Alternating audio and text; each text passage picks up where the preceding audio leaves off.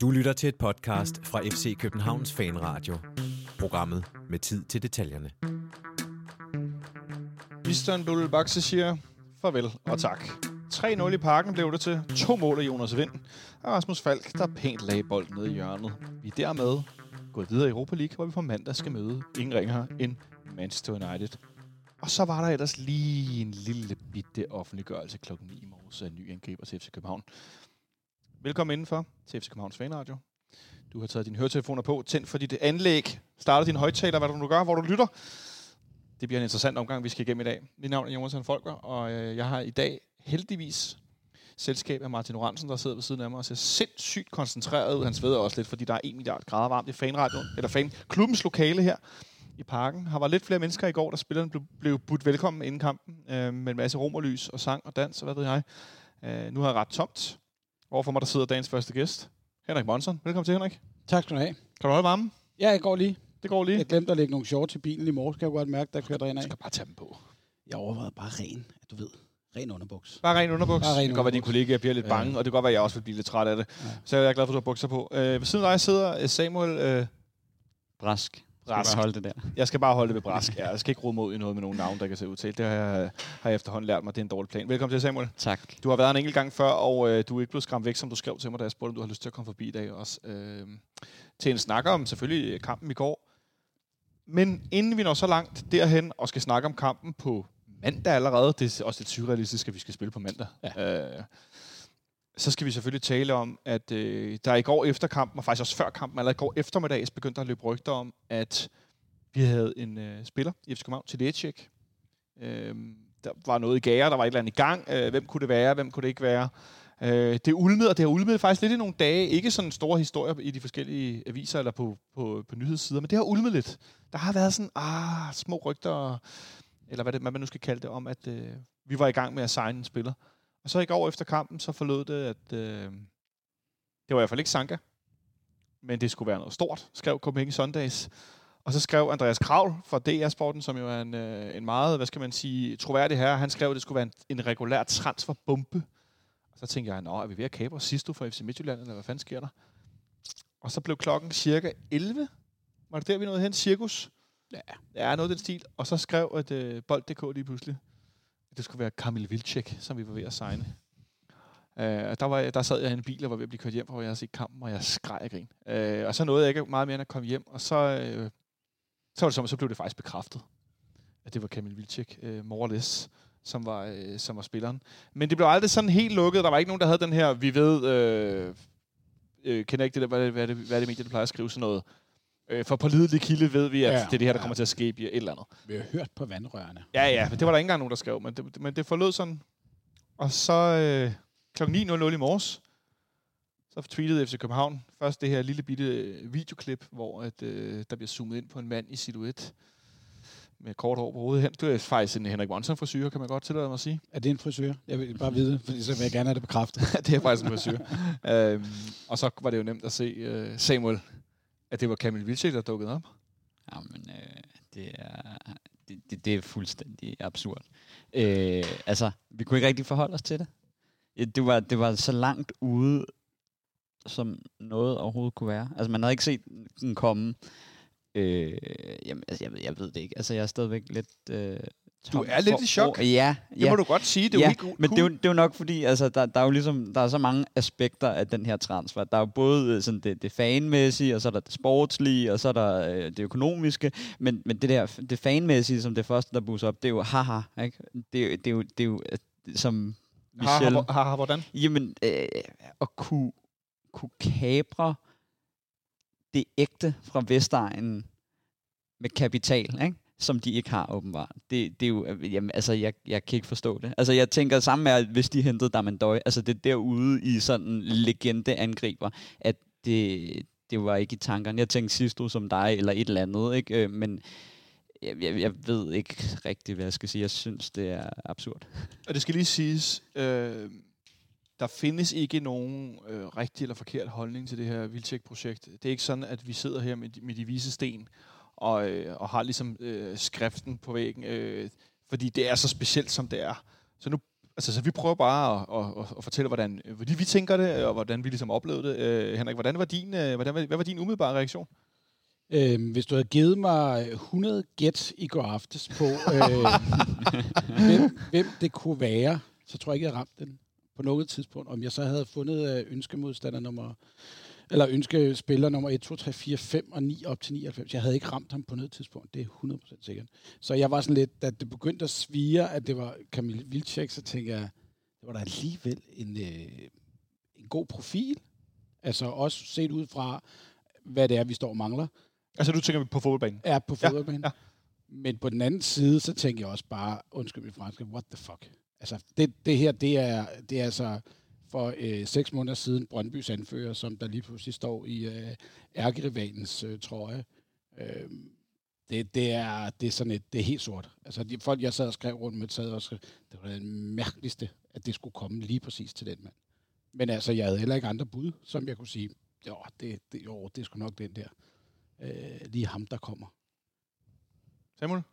Øh, og det, det er jo det, det første, hvis man lige ser bort fra alle øh, de følelser, man har. Så hvis du ser på det sådan rent sportsligt, så er det jo, øh, altså, det man mange gange siger, nu henter man en lotto hvor man ikke ved, om kan han performe i det miljø og i det land og det ene og det andet. Ikke? Her har vi jo altså en, som altså, har vel været den bedste angriber i de sæsoner, han var over tid, øh, og har kunne score mål, og faktisk også fremstår forholdsvis teknisk stærk og god i boksen og opspilstation. Øh, og, og alt det, og så en ældre herre, som også har noget erfaring, øh, det, det hele ser jo fantastisk ud. At han så kommer fra motorvejssamflætningen, det er jo så det, man nok skal vende sig af med, fordi at han forsvinder jo ikke, og det er jo nok også det, man bliver nødt til lidt at affinde sig med, at nu er han her, og så må man jo ligesom få det bedste ud af det. Vi har at gøre med en spiller, som øh, i 163 kampe for Brøndby har scoret hele 92 mål og lavet 25 assist sådan en rent fodboldteknisk, rent fodboldstatistisk er det jo, som, som du siger simpelthen, et, altså en rigtig dygtig spiller. Uh, han er selvfølgelig blevet lidt ældre. Uh, han har lige brugt et, et halvt år i, i Tyrkiet, uh, hvor han kun har scoret et enkelt mål på straffe, men det, var, det virker som om, det har været et mismatch fra starten i den her klub i Tyrkiet, han tog ned til. Uh, ellers har han formodentlig scoret lidt flere mål og spillet lidt mere, end han også endte med at gøre. Øhm, men, men jeg synes, vi skal prøve at tale lidt om, om den, nu var du inde på det, den fodboldtekniske del, eller fodbolddelen på, på banen, og så alt det her udenom. Ja. Og så kan vi prøve til sidst at stykke de to stykker sammen. Øhm, fordi klart, rent fodboldmæssigt, der ser jeg ham også som en vanvittig dygtig angriber. Der var, altså, mener også, der var en grund til at blive ved med at skrue mod os, Henrik. Altså, hvad, hvad, hvad tænker du om ham som fodboldspiller? Jamen, øh, som Samuel også siger, altså det er jo en god signing for os, øh, set ud fra et fodboldperspektiv, fordi han er den der angriber, den opspilstation, som vi kommer til at mangle nu, der men der ikke er med. Selvom vi i går ser en, en, end øh, Jonas Vind, som også kan det. Øh, men, men derfor synes jeg stadigvæk, at, at øh, set fodboldmæssigt er det et, en pissegod signing. Den er, hvad man kan læse sig til forholdsvis billig, øh, i forhold til, øh, hvad man måske skulle ud og betale, hvis man skulle finde en, øh, en lidt yngre, etableret øh, angriber, som kan det samme. Øh, så jo, jeg har ikke noget, jeg har ikke noget fodboldmæssigt, spillemæssigt at sige, at det er en dårlig signing. Det kan jeg ikke. Det, der, der ligger noget andet bagved, og det, det kommer vi til. Hvis vi bliver ved det fodboldmæssige, Samuel, hvis jeg skulle sætte en finger på noget, så er det, at jeg nogle gange har oplevet ham være øh, for hård i sit spil. Altså være i nogle situationer, hvor jeg, hvor jeg ikke bare som FCK-fan, der kigger på en Brøndby-angriber, mente, at han skulle have haft nogle, altså nogle røde kort og nogle karantænedage, fordi han simpelthen er gået voldsomt ind nogle gange og faktisk været altså alt for hård mod, mod nogle modstandere på en måde, som jeg egentlig ikke bryder mig om. Men ellers så har jeg faktisk lidt svært ved at sætte en finger på hans fodboldmæssige del. Ja, altså, øh, det er korrekt. Altså, det eneste, han sådan meget hurtigt ikke er, det er, han er jo ikke vanvittigt hurtig. Men det, er jo, det affinder man så med, når man kommer op i årene. Men, men han er jo en komplet øh, boksangriber, og så har han også det, det lidt grove, øh, kan man sige, type mæssigt, og det er måske også noget, man kan bruge, fordi når man kigger på banen, så øh, altså, udover Santos, så har vi jo ikke nogen svin, og som Bøjle også siger i et interview, at han, det er en af de bedste angriber, han har stået over for. Ja. Og det er jo fordi, at han er møghamrende irriterende, og konsekvent ligger og måske lige rammer benet og det ene og det andet.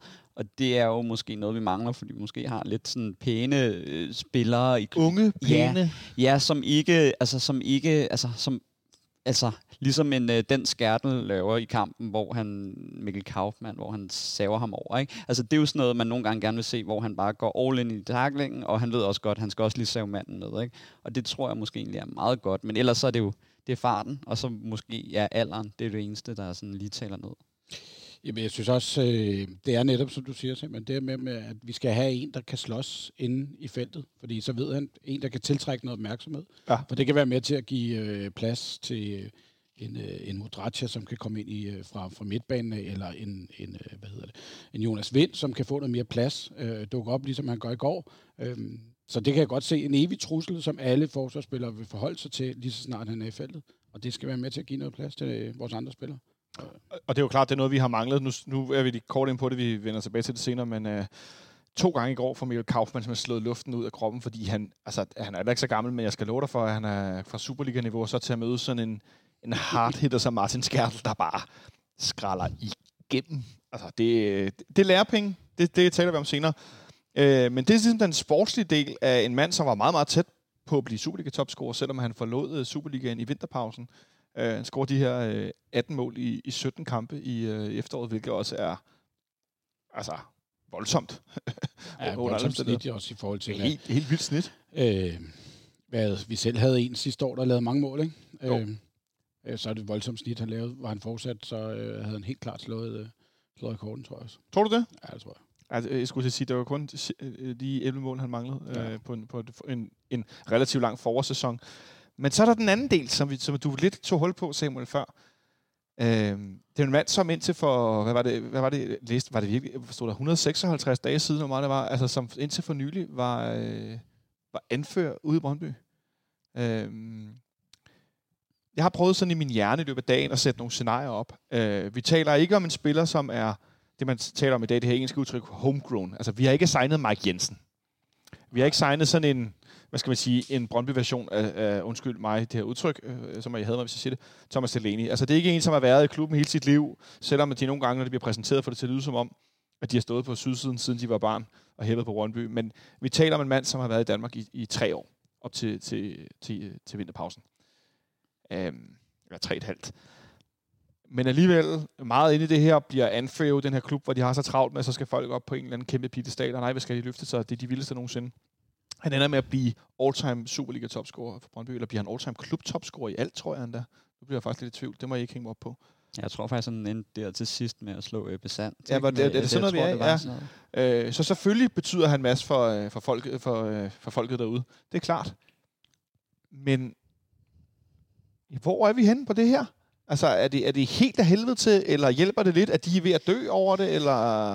Altså, som jeg skrev på Twitter i går, da jeg blev opmærksom på det, blev jeg sådan lidt, øh, jeg kommer sgu nok ikke til at knuse Elkmanden. Men, men laver han 25 kasser næste sæson, så bliver det fint med mig. Altså, det, det, så vil jeg da godt øh, klappe ham, klappe af ham og klappe med ham.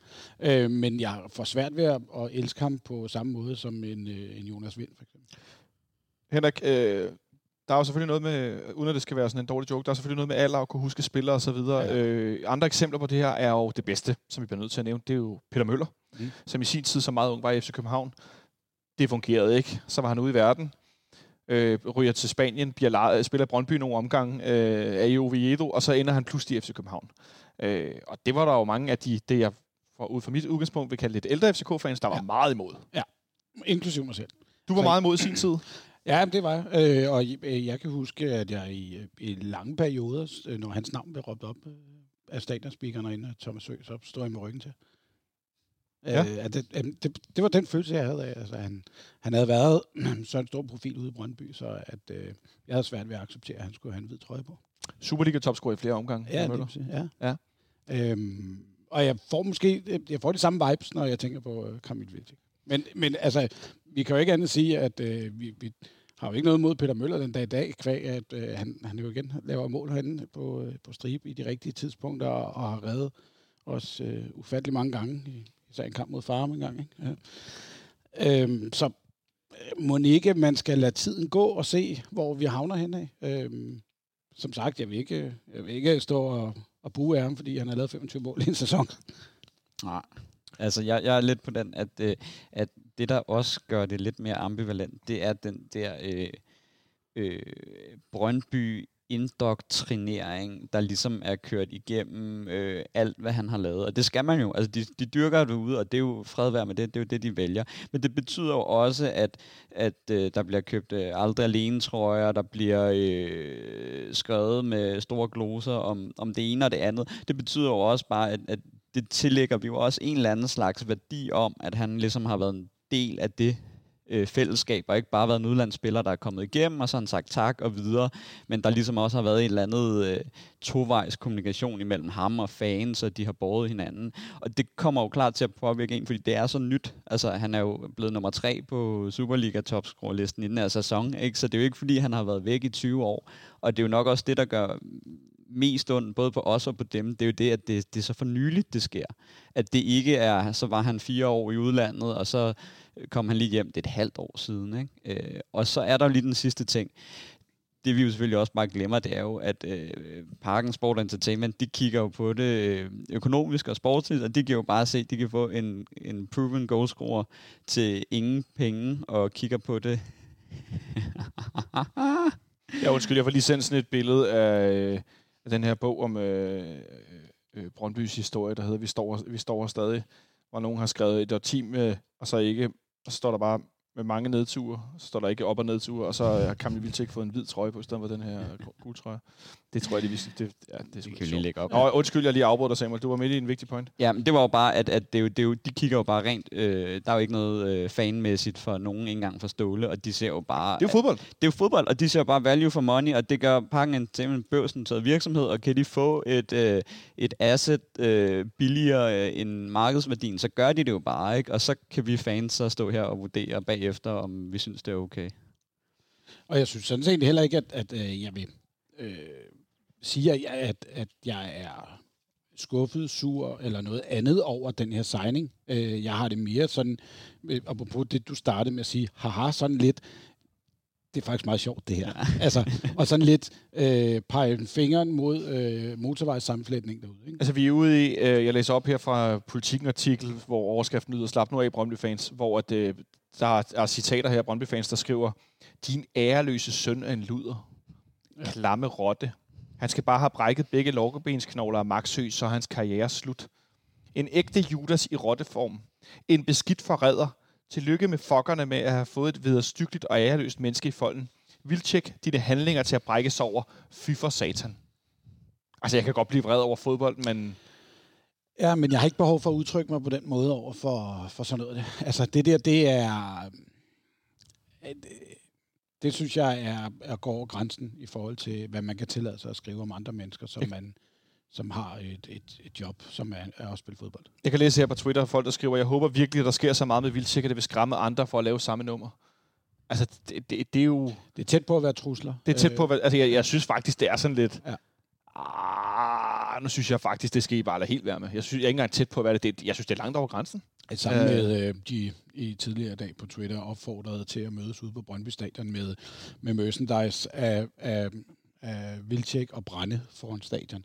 Altså, Men omvendt kan jeg ikke lade med at tænke, at i Altså i krig og kærlighed og i fodbold, som vi jo ved, vi, vi, vi, der er en grund til, at vi sidder og taler om det, det er jo fordi, jeg vil ikke sige, at vi dyrker det religiøst, men vi tænker jo fandme på det hele tiden der er jo to sider af medaljen, og den ene side er dem her, som vi elsker og holder af, og vi forguder dem og sætter dem op meget, meget højt, og vi synger deres navn, og folk får lavet tatoveringer og køber trøjer, de næsten ikke har råd til, de burde bruge på husleje i stedet for alt muligt, hvad ved jeg. Men på den anden side, så der er også dybt at falde fra, fra den her forgudelse af nogle, af nogle mennesker, som, som sparker til en, en bold på en fodboldbane.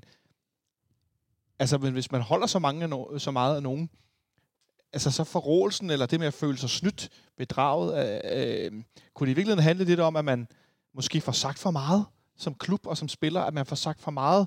Åh, oh, jamen, øh, sådan noget altid, en gang Brøndby, altid Brøndby, som Vildtik siger, da han forlader klubben. Der handler det måske i virkeligheden om, at man får skruet lidt for meget op for ordene og for patosen til, at altså, så kan man jo ikke stå inden for det altid, fordi man skifter. Han har spillet 10 klubber. Jamen altså, det er, jo, det er jo sjovt. Fodbold er jo, er jo, det er jo one of a kind, eller sports generelt, ikke? Fordi at, at, at, at man var jo aldrig blevet kaldt Judas, hvis man skiftede fra den ene store IT-virksomhed til den anden, vel? Det kan du spørge Henrik om. Henrik, kommer det? Uh, For at til KMD. Jo, jo, kunne man måske godt få en, be- man kunne nok, måske nok godt få en bemærkning med på vejen. Det kunne man godt. Dit appelsvin.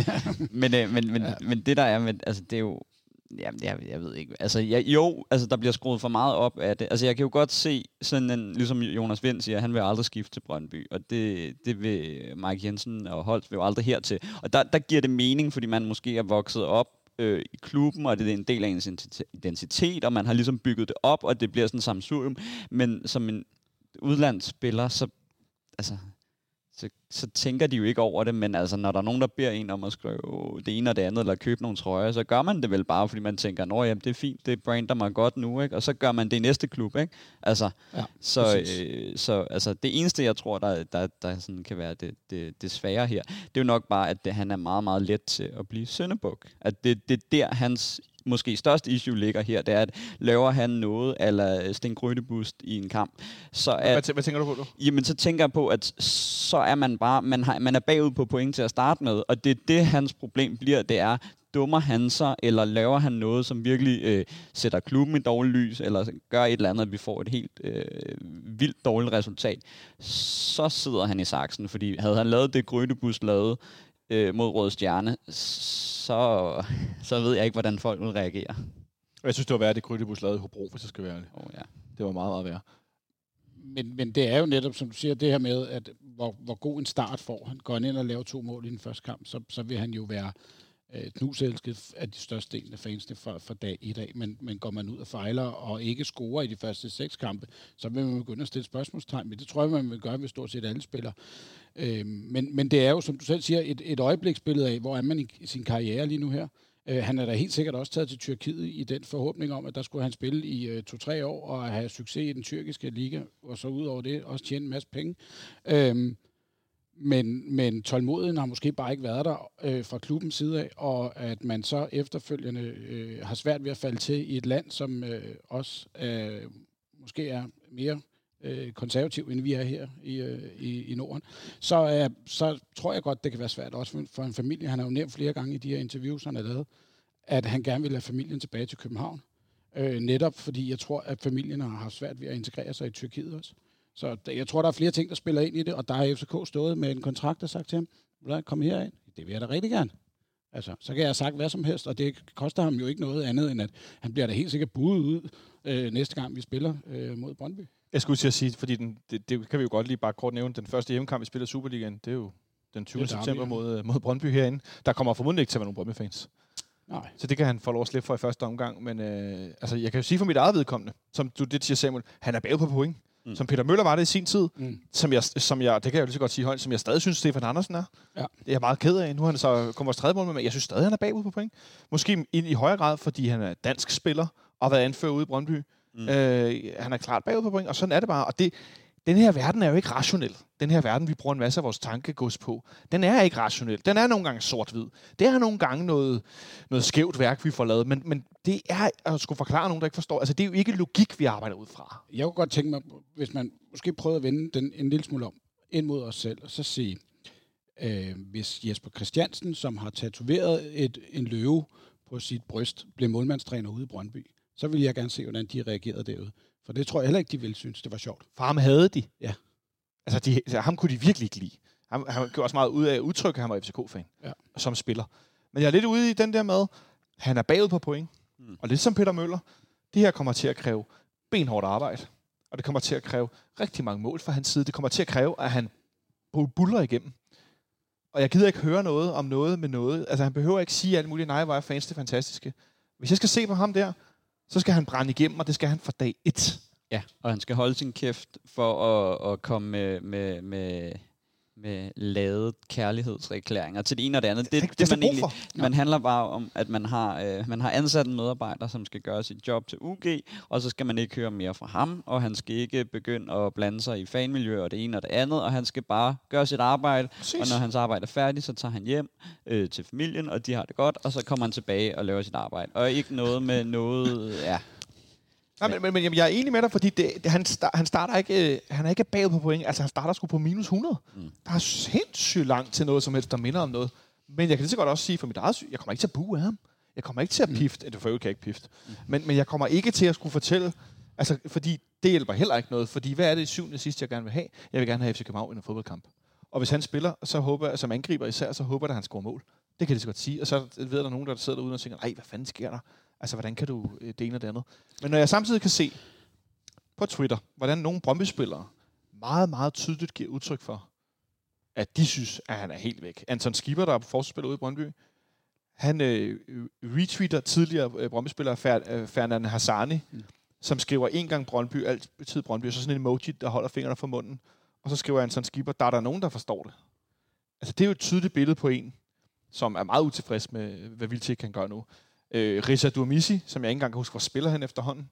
Øh, som også får skrevet på sin Instagram, at øh, money talks og sådan nogle ting. Øh, øh, ja, det kan man også grine lidt af. Øh, men, men i hvert fald, at, altså, at, der, at det er helt tydeligt, at for nogen, som vi også taler om, med nogen, der har været meget længe i en klub, nogen, der er vokset op i en klub, der betyder det langt mere, som du også er inde på, Samuel. Øh, er det virkelig også, det, Henrik, den, altså, den egentlige forskel på, hvornår man tager sin beslutning, og hvornår man ikke gør? Øh, det ved jeg sgu ikke, hvordan jeg skal sætte mig ind i. Fordi øh, jeg, jeg, jeg, har det, men jeg har det sådan med dem, at, at øh, de gør det for at få mest ud af deres karriere. Og hvis han har siddet nede i øh, Tyrkiet, og øh, ikke har kunnet hverken få familie, øh, tilværelse eller noget andet til at fungere, og vi har stået med en kontrakt til ham, så synes jeg, det er helt øh, plausibelt at sige, det gør jeg. Øh, så må man tage de tæsk, øh, der kommer efterfølgende, fordi ja. både fra den klub, man kommer til, og den klub, man har været i. Øh, og der, som I to er inde på, meget rigtig inde på det, det er, så skal man bare lade tingene ske i stedet for, og så skal man passe sit arbejde. Man skal ikke gå ud og begynde at prøve at blive bedste venner med, øh, med øh, hele øh, sektionen, for det, det tror jeg ikke, man får noget ud af. Og det vil jeg for øvrigt, selvom jeg nu lige sagde det her før, hvis jeg skulle rose Stefan Andersen for noget, udover at han har stået godt en del gange, det kan vi jo desværre ikke komme udenom, mm. øh, så er det, at han blandt andet ikke har haft travlt med at skulle sige alt muligt. Nej. Han har holdt snuden i sporet og kørt fremad øh, med at spille, ja. han har spillet, og han har for øvrigt lang, lang, lang tid været reserve, uden at kny overhovedet. Det er nemlig det, at han brokker sig ikke over noget. Der har ikke været nogen problemer. Der har ikke været noget som helst. Mm. Og, og, og det virker også som om, at han faktisk også altså, bidrager med et eller andet gavnmandshuner øh, i truppen, som han er, faktisk... Han er knastør. Han er, jeg kan godt lide det. det er også godt. Men, men det er jo det, der er med det, og man kan faktisk se, at, at, at du ved, de bryder sig om ham, og faktisk joker med ham på sociale medier og sådan noget. Og det giver jo bare noget, at man kan sige, at han holder fokus på at sige, okay, hvad, hvad kan jeg bidrage med? Godt, nu kan jeg spille, fordi nu er jeg god nok. Nu kan jeg ikke spille, så brokker jeg mig ikke. Godt, hvad kan jeg så gøre? Men så kan jeg hjælpe øh, de nye øh, målmænd med at optimere dem og hjælpe dem, og så kan jeg sprede bedre stemning i truppen. Og ikke noget med at please os, ikke noget med at øh, brokke sig, hvis han blev buet eller sat på bænken. Og det, det er sådan, man skal gøre det, og som der er nogen, der stadig ikke kan lide ham, men, men man kan sige, Øh, hvis man ikke brokker sig, så går man heller ikke imod det, man egentlig sådan... Man opsøger føler. ikke konflikter. Nej, præcis. Ikke? Nej, præcis. Men der, ligesom for eksempel Thomas Rytter gjorde, da han tager derud. Øh, altså det evige billede, der han, hvor han står med det her halsterklæde, det er jo også... Altså, havde Vildtæk gjort det samme, så havde jeg også græmmet mig. Kæft, hvor havde jeg græmmet mig.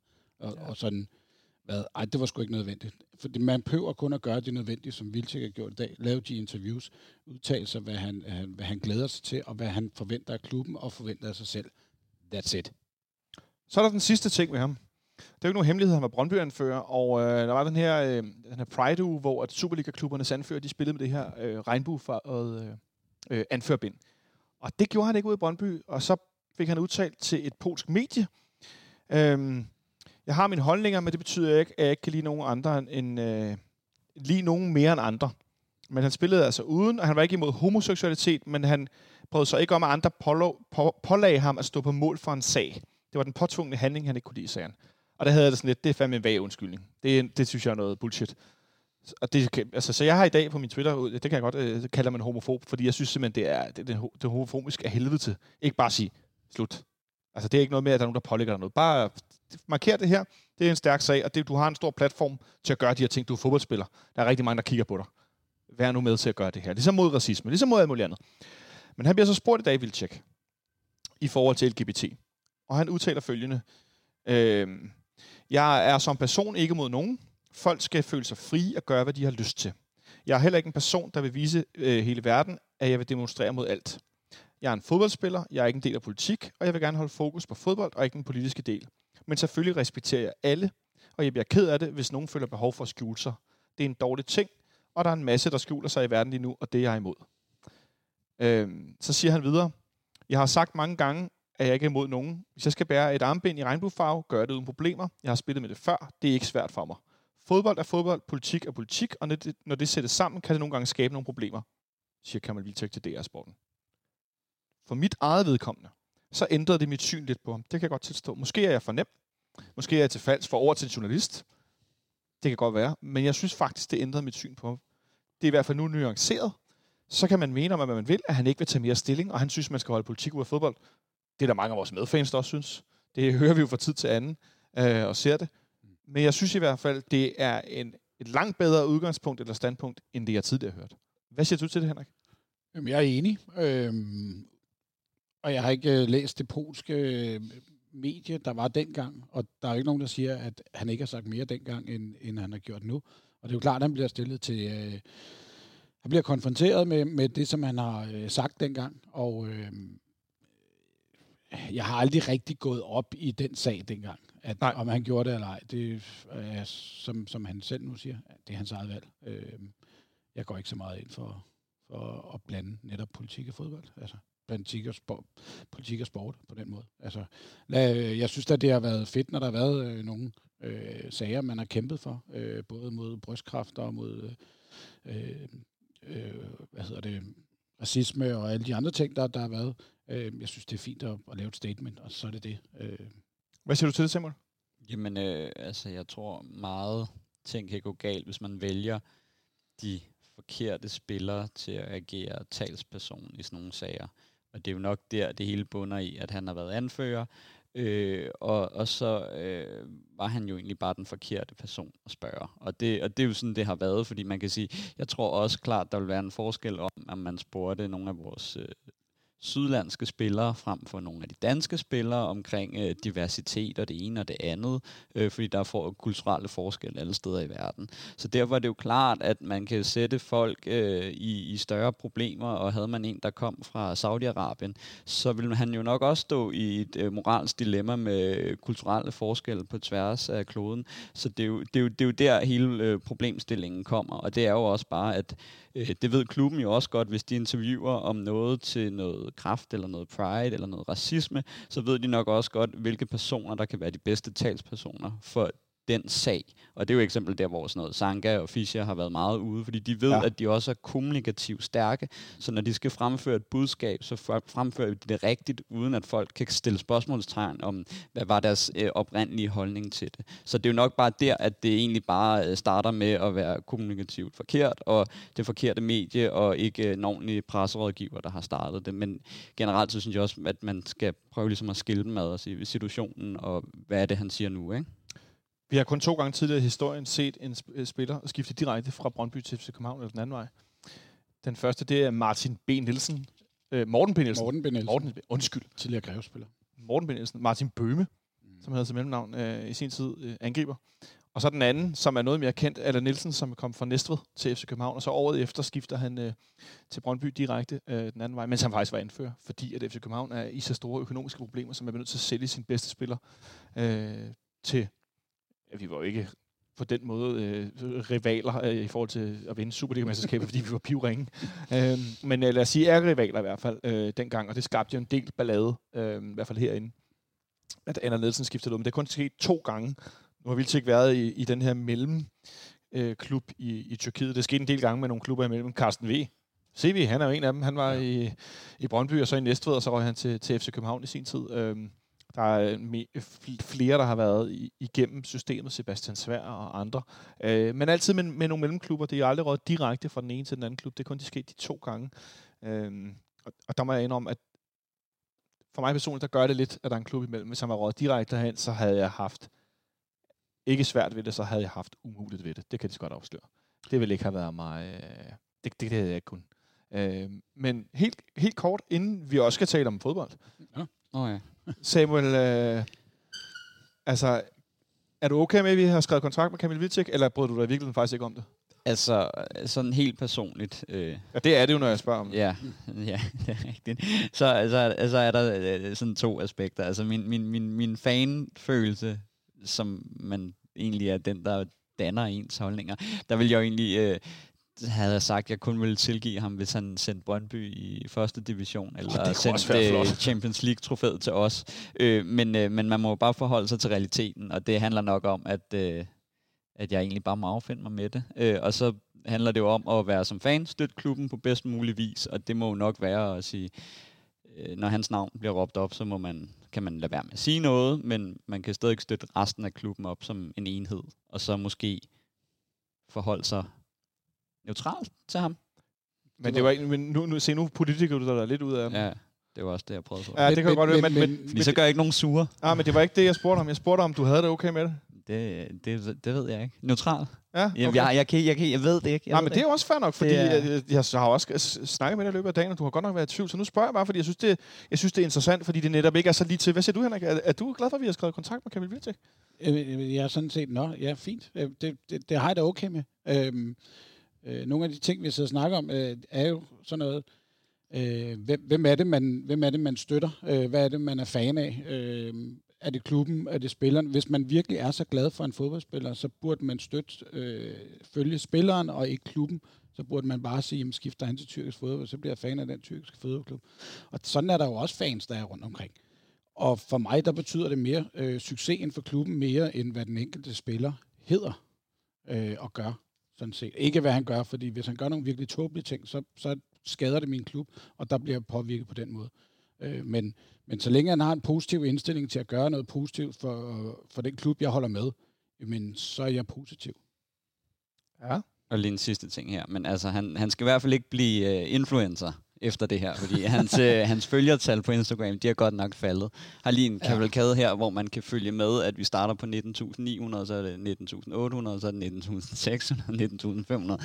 Så den karriere, den er i hvert fald slut, fordi at der er... Uh, Jeg kan også uh, til, tilføje, at han måtte, øh, i, nogen har hjulpet ham, men også har han selv fået deaktiveret kommentarfeltet på hans Instagram-profil, så man ikke kan kommentere hans billeder, fordi han har fået en supersonisk skidspand i hovedet af en, øh, en, en gruppe meget, meget insisterende og meget vrede Brøndby-fans, der har kastet skidt efter ham. Men dengang, øh, bare for, men de er også meget ekstreme nede i Tyrkiet, og dengang at Sanka skiftede øh, til Tyrkiet, der så man jo også hans øh, Instagram, den gik, og Twitter også, den gik jo fra sådan noget 19.000, og til dagen efter havde han 84.000 følgere, altså på mindre end 24 timer.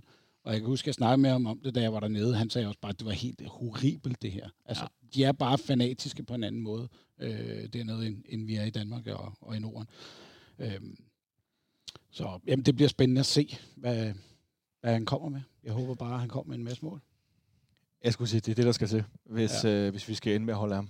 Det kan jeg altid godt sige som det er. Der skal altså hårdt arbejde og mål til, fordi ellers så, øh, så bliver det ikke pænt. Det er der ingen tvivl om. Øh, jeg har set nogle, øh, den, den kære Nikolaj Sten Møller, der skulle have været her også, Smølle, han, øh, han kaldte det sådan en, en, en XL-udgave af Marcin Pucic. En meget religiøs mand, som, øh, som man egentlig ikke bryder sig om, men som man bliver nødt til at bide tænderne sammen og kigge på, når han indimellem spiller. Der vil jeg bare helt kort sige, jeg synes sammenligningen er dårlig, fordi at øh, Kamil Vilcik objektivt er en bedre spiller, end Marcin Pucic nogensinde har været Ja. er en betydeligt bedre fodboldspiller. Øh, Ja. ja. Og især også på Superliga-niveau. Det kan godt være, at han vil have svært ved at gøre sig i en stærkere liga, men i forhold til Superligans niveau, så har vi jo set utallige øh, hvad hedder det, eksempler. Også herinde mod os. Hold kæft, hvor har han scoret nogle mål mod os, hvor jeg bare har bidt min knor hvide, fordi at, åh, det har han været god til. Du markerer, Samuel? Ja, og det, det er jo nok også egentlig lige det sidste, som gør øh, det både øh, forfærdeligt for mest Brøndby, men også lidt også. Det er også det der med, at man, man henter en spiller, som man faktisk godt øh, på sådan stor sandsynlighed øh, har et højt niveau.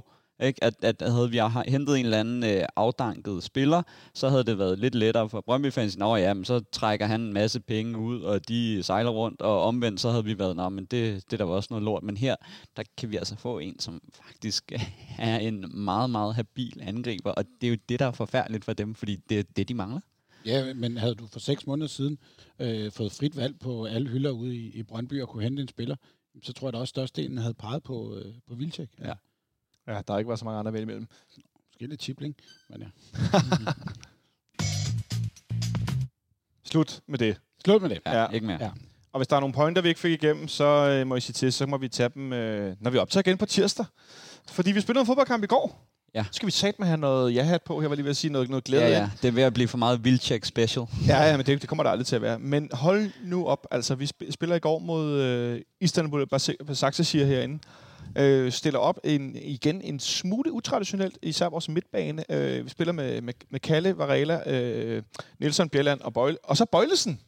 Ja, Nikolaj Bøjlesen. Mit hjerte bristede næsten af glæde over, at manden han pludselig startede ind efter, hvad var det, 375 dage eller noget, 56 ja. dage, siden han sidst havde startet ind i en kamp, så var han pludselig på banen. Øh, hvilket jo var helt fortryllende. På midtbanen var Pep Biel tilbage, øh, og så startede Ro- øh, Robert Modrasja inden for kun anden gang i sæsonen. Øh, sammen med Carlos Sikker og Rasmus Falk. På toppen var det de to unge klodser, Jonas Vind og øh, Mikkel Kaufmann. En lidt speciel øh, opstilling, der gav mig minder om øh, Carlo Ancelotti, som jeg jo har nyt stor glæde af, både Real Madrid og AC Milan. Øh, med den her 4-2-3-1 øh, opstilling med, øh, med Kaufmann helt på toppen, Vind lidt bagved, og så to fløje, om du vil. Og så siger Ståle, ah, men noget med, så meget spiller de den heller ikke, og så ligger vi fladt, når vi forsvarer, og så bliver det en 5-4-1 eller en 4-5-1 og så videre. Det er lidt efter, hvordan man kigger på det.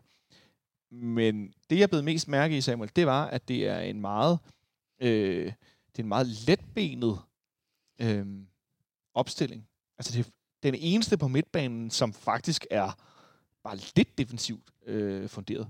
Det er sikkert. Resten er angribende spillere. Ja, altså da jeg så den her opstilling, det er jo sådan lidt... Øh, det Hvad, hvad, hvad tænkte du så? Jamen, så tænkte jeg, åh, endelig. Øh, Ja. øhm, og, og også bare, at, at altså, øh, nu var det jo selvfølgelig bare, hvis man tog Kaufmann ud, og så satte en rigtig angriber, altså en, øh, en døje sidste sæson, ikke? Altså, så vil jeg jo sige et kæmpe øh, vanvittigt hold, med både teknisk velfunderende spillere, der er også noget fysik, øh, øh, altså der var ikke rigtig noget, jeg ville rykke på, måske en Bjelland. Øh, altså, det var det virkelig, det kunne være... Altså, Det var det hold, vi gerne ville spille Ja. hele sæsonen med. Ja, ikke? altså, altså havde Ja. du smidt uh, Bjelland ud og sat Sanka ind, og så smidt en, uh, en, en yngre udgave af en døje på top, eller Cornelius, ikke? Altså, så, så altså, CL-mestre, øh, det hele, ikke? Fejre det i lufthavnen, øh, altså kæmpe fest. Storkespringvand. Ja, ja. Øh, men men, øh, men øh, glad øh, også for at sige, at, øh, at man bruger øh, spillerne, øh, hvor at de faktisk er aller, allerbedst. At du sætter øh, en vind, øh, som måske har øh, den, sammen med Falk den klart, klart bedste teknik øh, af alle spillere. Øh, du bruger Pep Biel i den offensive plads, som han egentlig er der, hvor han rigtig bliver hentet fra. Og du bruger øh, Falk også, øh, hvor han kan bruge sin teknik. Øh, øh, kæmpe, øh, så fedt også at, at prøve noget nyt. Meget glad. Prøv noget nyt. For to nye mand ind i startopstillingen, Henrik. Var du overrasket? Øh, ej, den, den med Bøjle, den havde jeg godt læst i, øh, at, at den var så godt som sikker. Øh, men jeg var overrasket over, at øh, Modratia får lov til at starte ind. Men jeg, jeg, jeg klappede mine små hænder og tænkte, at det var da også på tide, at han fik lov til at, at få øh, en startplads igen. Øh, det eneste, jeg begræder, det var bare, og det er jo måske noget med, med luft, men den burde han jo have nu. Nu har han været skadesfri et stykke tid, at han ikke får lov til at spille øh, kampen til ende, fordi det, det, kan man godt, øh, det kan man godt savne. Øh, men altså, jeg, jeg, jeg er positiv over den her. Det er, som jeg selv lige sagde, det, det er den, man gerne vil starte med. Altså, det er sådan noget offensiv fodbold, vi gerne vil se. Øh, fordelen i sådan en modstander som øh, Basaksehir, som vi møder i, i går, er bare, at, at de giver jo os jo plads. Vi kan jo ikke spille sådan der mod Horsens. Øh, eller, eller nogle af de andre øh, hold, som stiller sig med, øh, med 10 mand nede i eget felt, fordi så kommer vi bare til at ligge og trille rundt om, øh, om deres fodbold. Eller også om deres felt. Men det interessante er jo, at øh, deres træner, øh, hvad hedder han, øh, Uduk? Ja, det tror jeg nok. Åh, oh, nu havde det lige. Øh, øh, øh, Buduk, Buduk Okan hedder han, sorry. Øh, øh, Basakshirs øh, træner øh, fortalte jo efter kampen, at han var overrasket over øh, Nikolaj Bøjlesen og Modrasja. Det var han simpelthen ikke forberedt på. Øh, vel også fordi, altså netop de har spillet så lidt, altså Bøjlesen har ikke spillet, og Modrasja har næsten ikke spillet. Så det var faktisk lidt at tage, at tage røven på dem, øh, hvilket jeg egentlig synes var ret stærkt, at de var forberedt på Falk og Sikker og på Per Bengtsson. Ja. Og så kom der altså en meget mere spillende venstreback ind, og det så vi jo allerede efter øh, 3-4 minutter. Og så også det med Rasmus Falk, pludselig to løbende i mellemrummet ind ud fra venstre siden, og ikke bare sådan placerede sig frem i banen, men bevægede sig ud af position og så videre.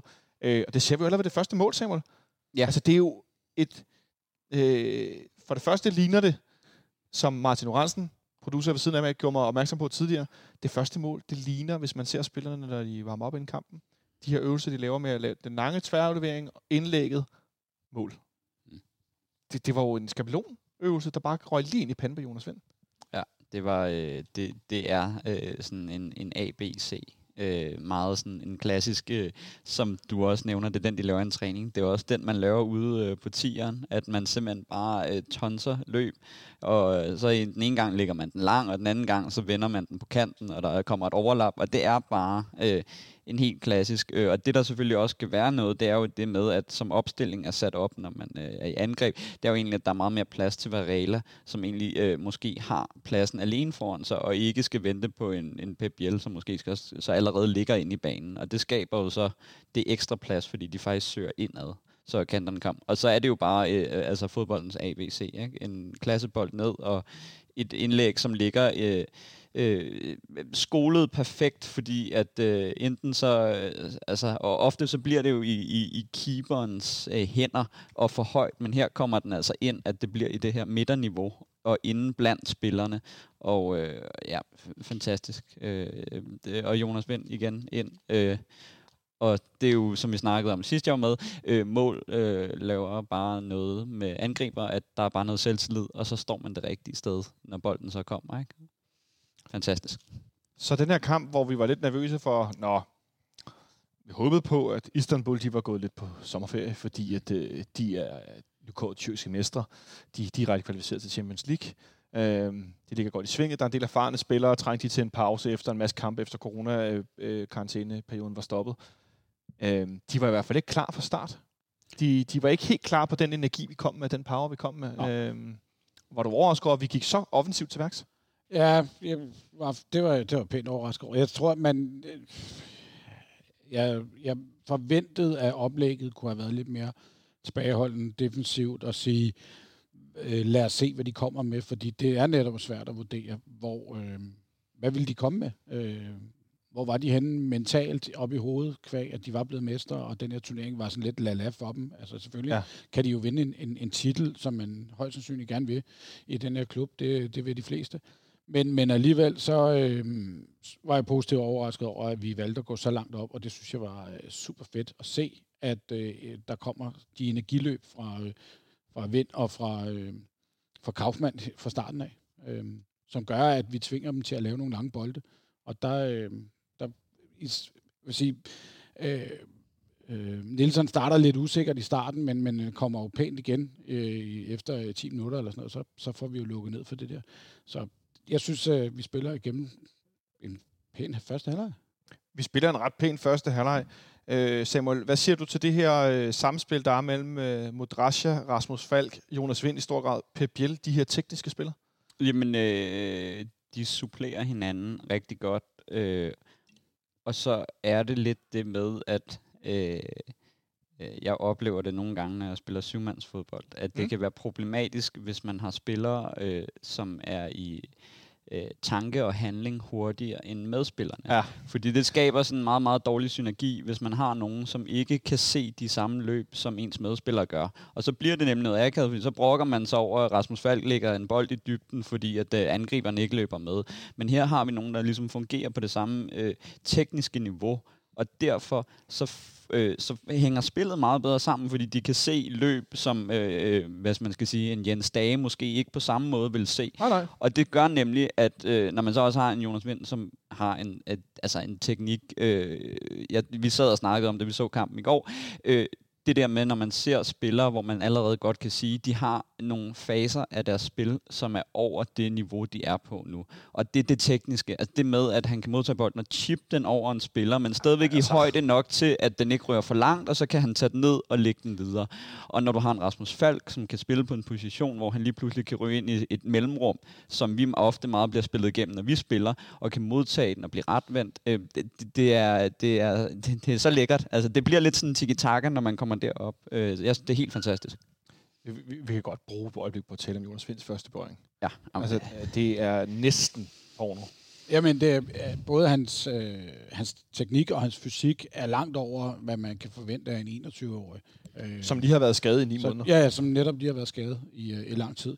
Øhm, han løfter øh, sit spil og sig selv til, til nye højder, på trods af, at han har været væk så længe. Det synes jeg er jeg, jeg, jeg er meget overrasket over, at han så hurtigt kan komme fysisk tilbage på den måde.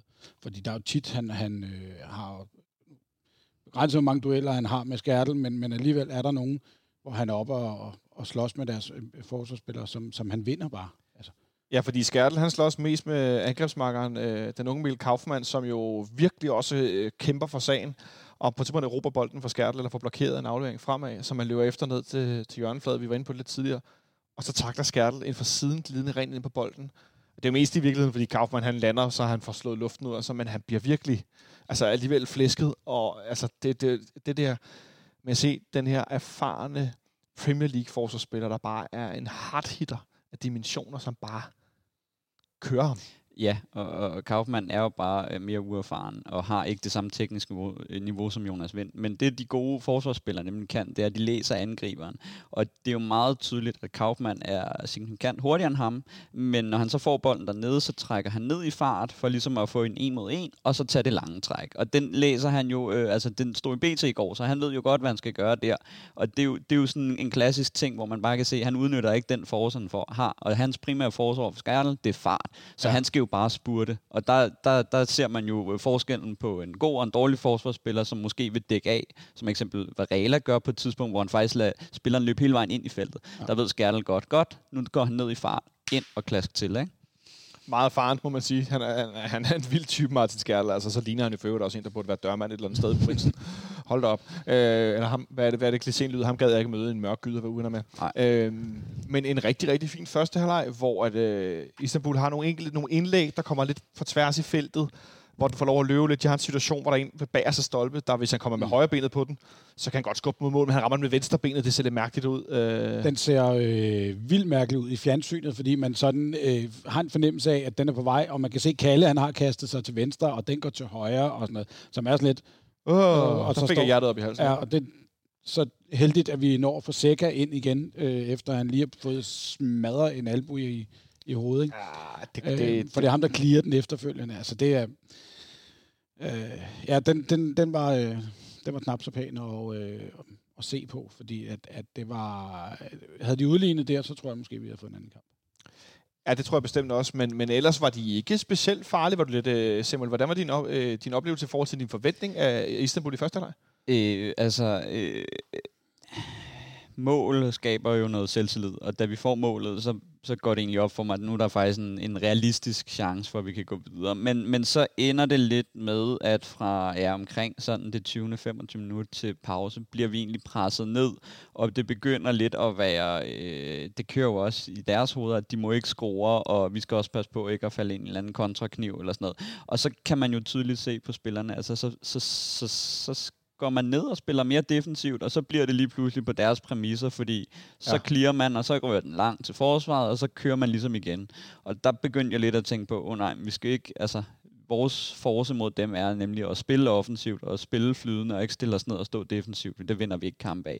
Så, så egentlig øh, ved pause var jeg stadigvæk lidt skeptisk, fordi jeg synes egentlig, at de, de havde jo ikke mange chancer, øh, og vi holder også rent bur, men, men de sidder på det meste af spillet, og vi kommer ikke frem til det store øh, indtil først efter pause. Ikke? Nej, vi hviler lidt for lidt med bolden, så ja. der skal løbes lidt for meget efter dem. Og jeg, Henrik, jeg, jeg havde lidt allerede, selvom i den, selv i den her periode, en oplevelse af, at øh, vi kunne godt se, at de havde haft øh, fri fire dage, fem dage, fire dage. De havde fri fra mandag til, og så tilbage til træne fredag. Og så var der også noget tid siden, der blev spillet kamp.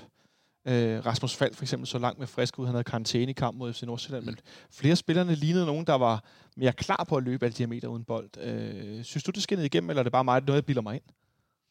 Øh, jeg tror, der var mere nød end af, end af tvang.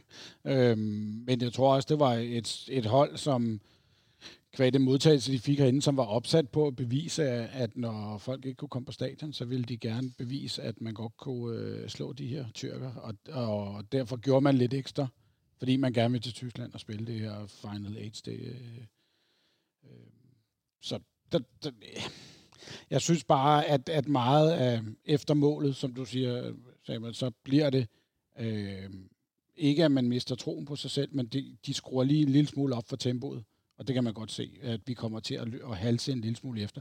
Og som du siger, Samuel, det der, vi kommer til at sparke bolden op på en øh, på en Kaufmann, som jo bare bliver pakket ind af skærtel, og så bliver det bare, at vi konstant står og får øh, bolden i hovedet. Så positivt, at vi kan holde den til pausen.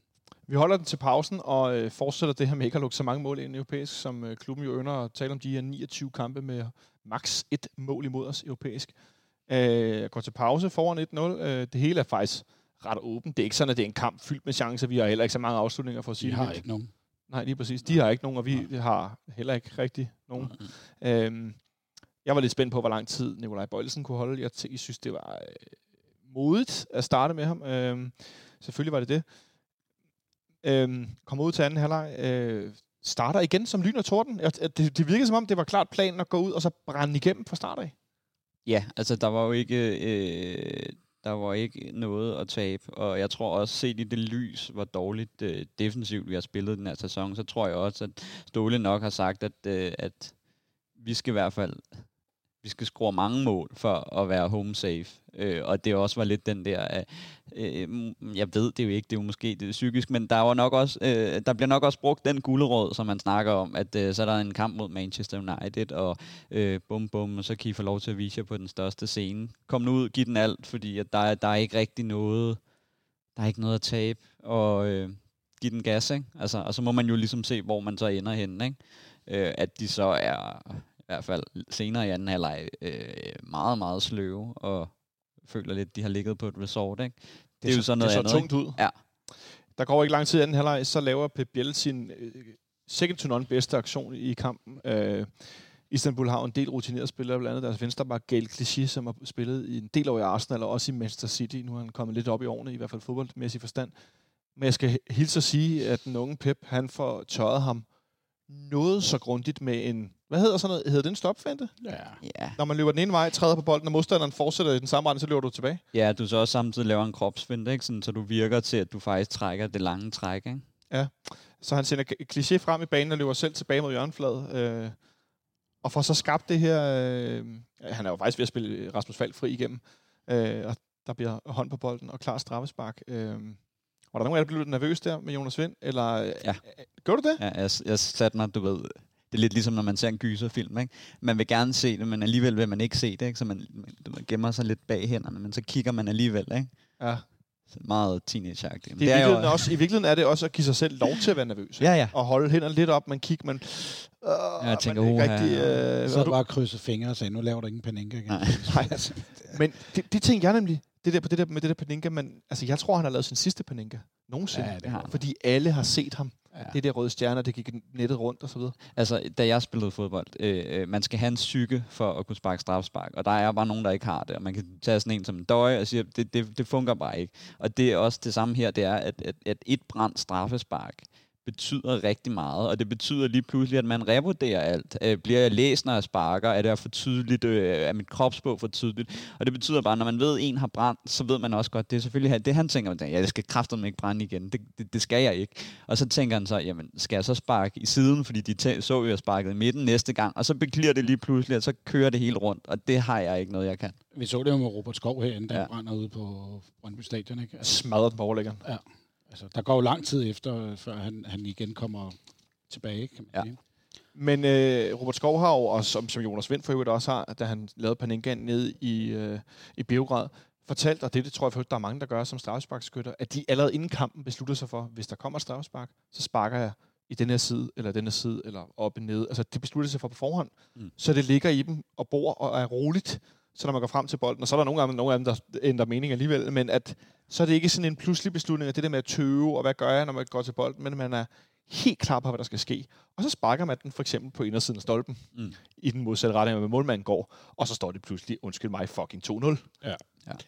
Sjovt at se den øh, slow, der var efter kampen. Det er først der, de viser den i øh, nedtakten, hvor man, hvor man ser øh, fokus på Jonas Vind, da han sparker, og man kan godt se, at han er, den er på vej hen mod stolpen. Man kan lige, han når lige at, og lige stoppe med at trække hvert øjeblik, og så kan han se den gå ind, så jubler han, ikke? Øhm, Ja.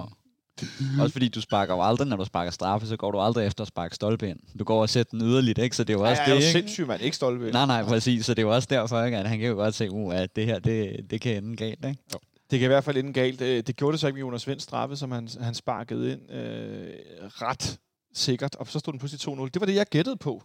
Øh, I mandags, da vi sad hernede og snakkede sidst, der gættede jeg på 2-0. Lidt optimist. Jeg gættede på også på noget med noget rødt kort til øh, Istanbul. Det var der ikke i nærheden af. Det kunne godt have været det i første halvleg med ham her, der forsøgte at transplantere 7 tænder i Sikkers mund. Han fik ikke engang gul kort. Det var lidt mærkværdigt episode. Ja, burde man ikke lige have brugt lidt tid på den var, og så kigget på det, fordi det, det synes jeg, det, det skal Ja, det som lidt minimum give øh, et kort. Den ellers meget øh, dygtige italienske dommer, Orosato. Øh, han, Men er det ikke med var, at det kun er røde kort? Man kan ikke give gule på det, vel? Så det skal være udvisning. Præcis, det før skal være udvisning, Ja, ja. så det er jo nok også det, der er problemet. Det er måske det, der er problemet, ja. Men øhm, nevertheless, så er vi foran 2-0, og så går der ikke mere end et minuts penge, eller lige bagefter, så laver vi, faktisk lige bagefter, laver vi en dobbeltudskiftning, og øh, tager en noget brugt Mikkel Kaufmann ud, og i samme moment tager vi også Modrasja ud, som jo, som vi nævnte før, ikke havde spillet fra start, stort set i sæsonen. Det giver meget god mening. Jens Dage kommer ind centralt, for at lukke lidt af, og så øh, sætter vi Darami ind som angriber, rykker Jonas Vind lidt frem, og øh, Darami ud på den ene side.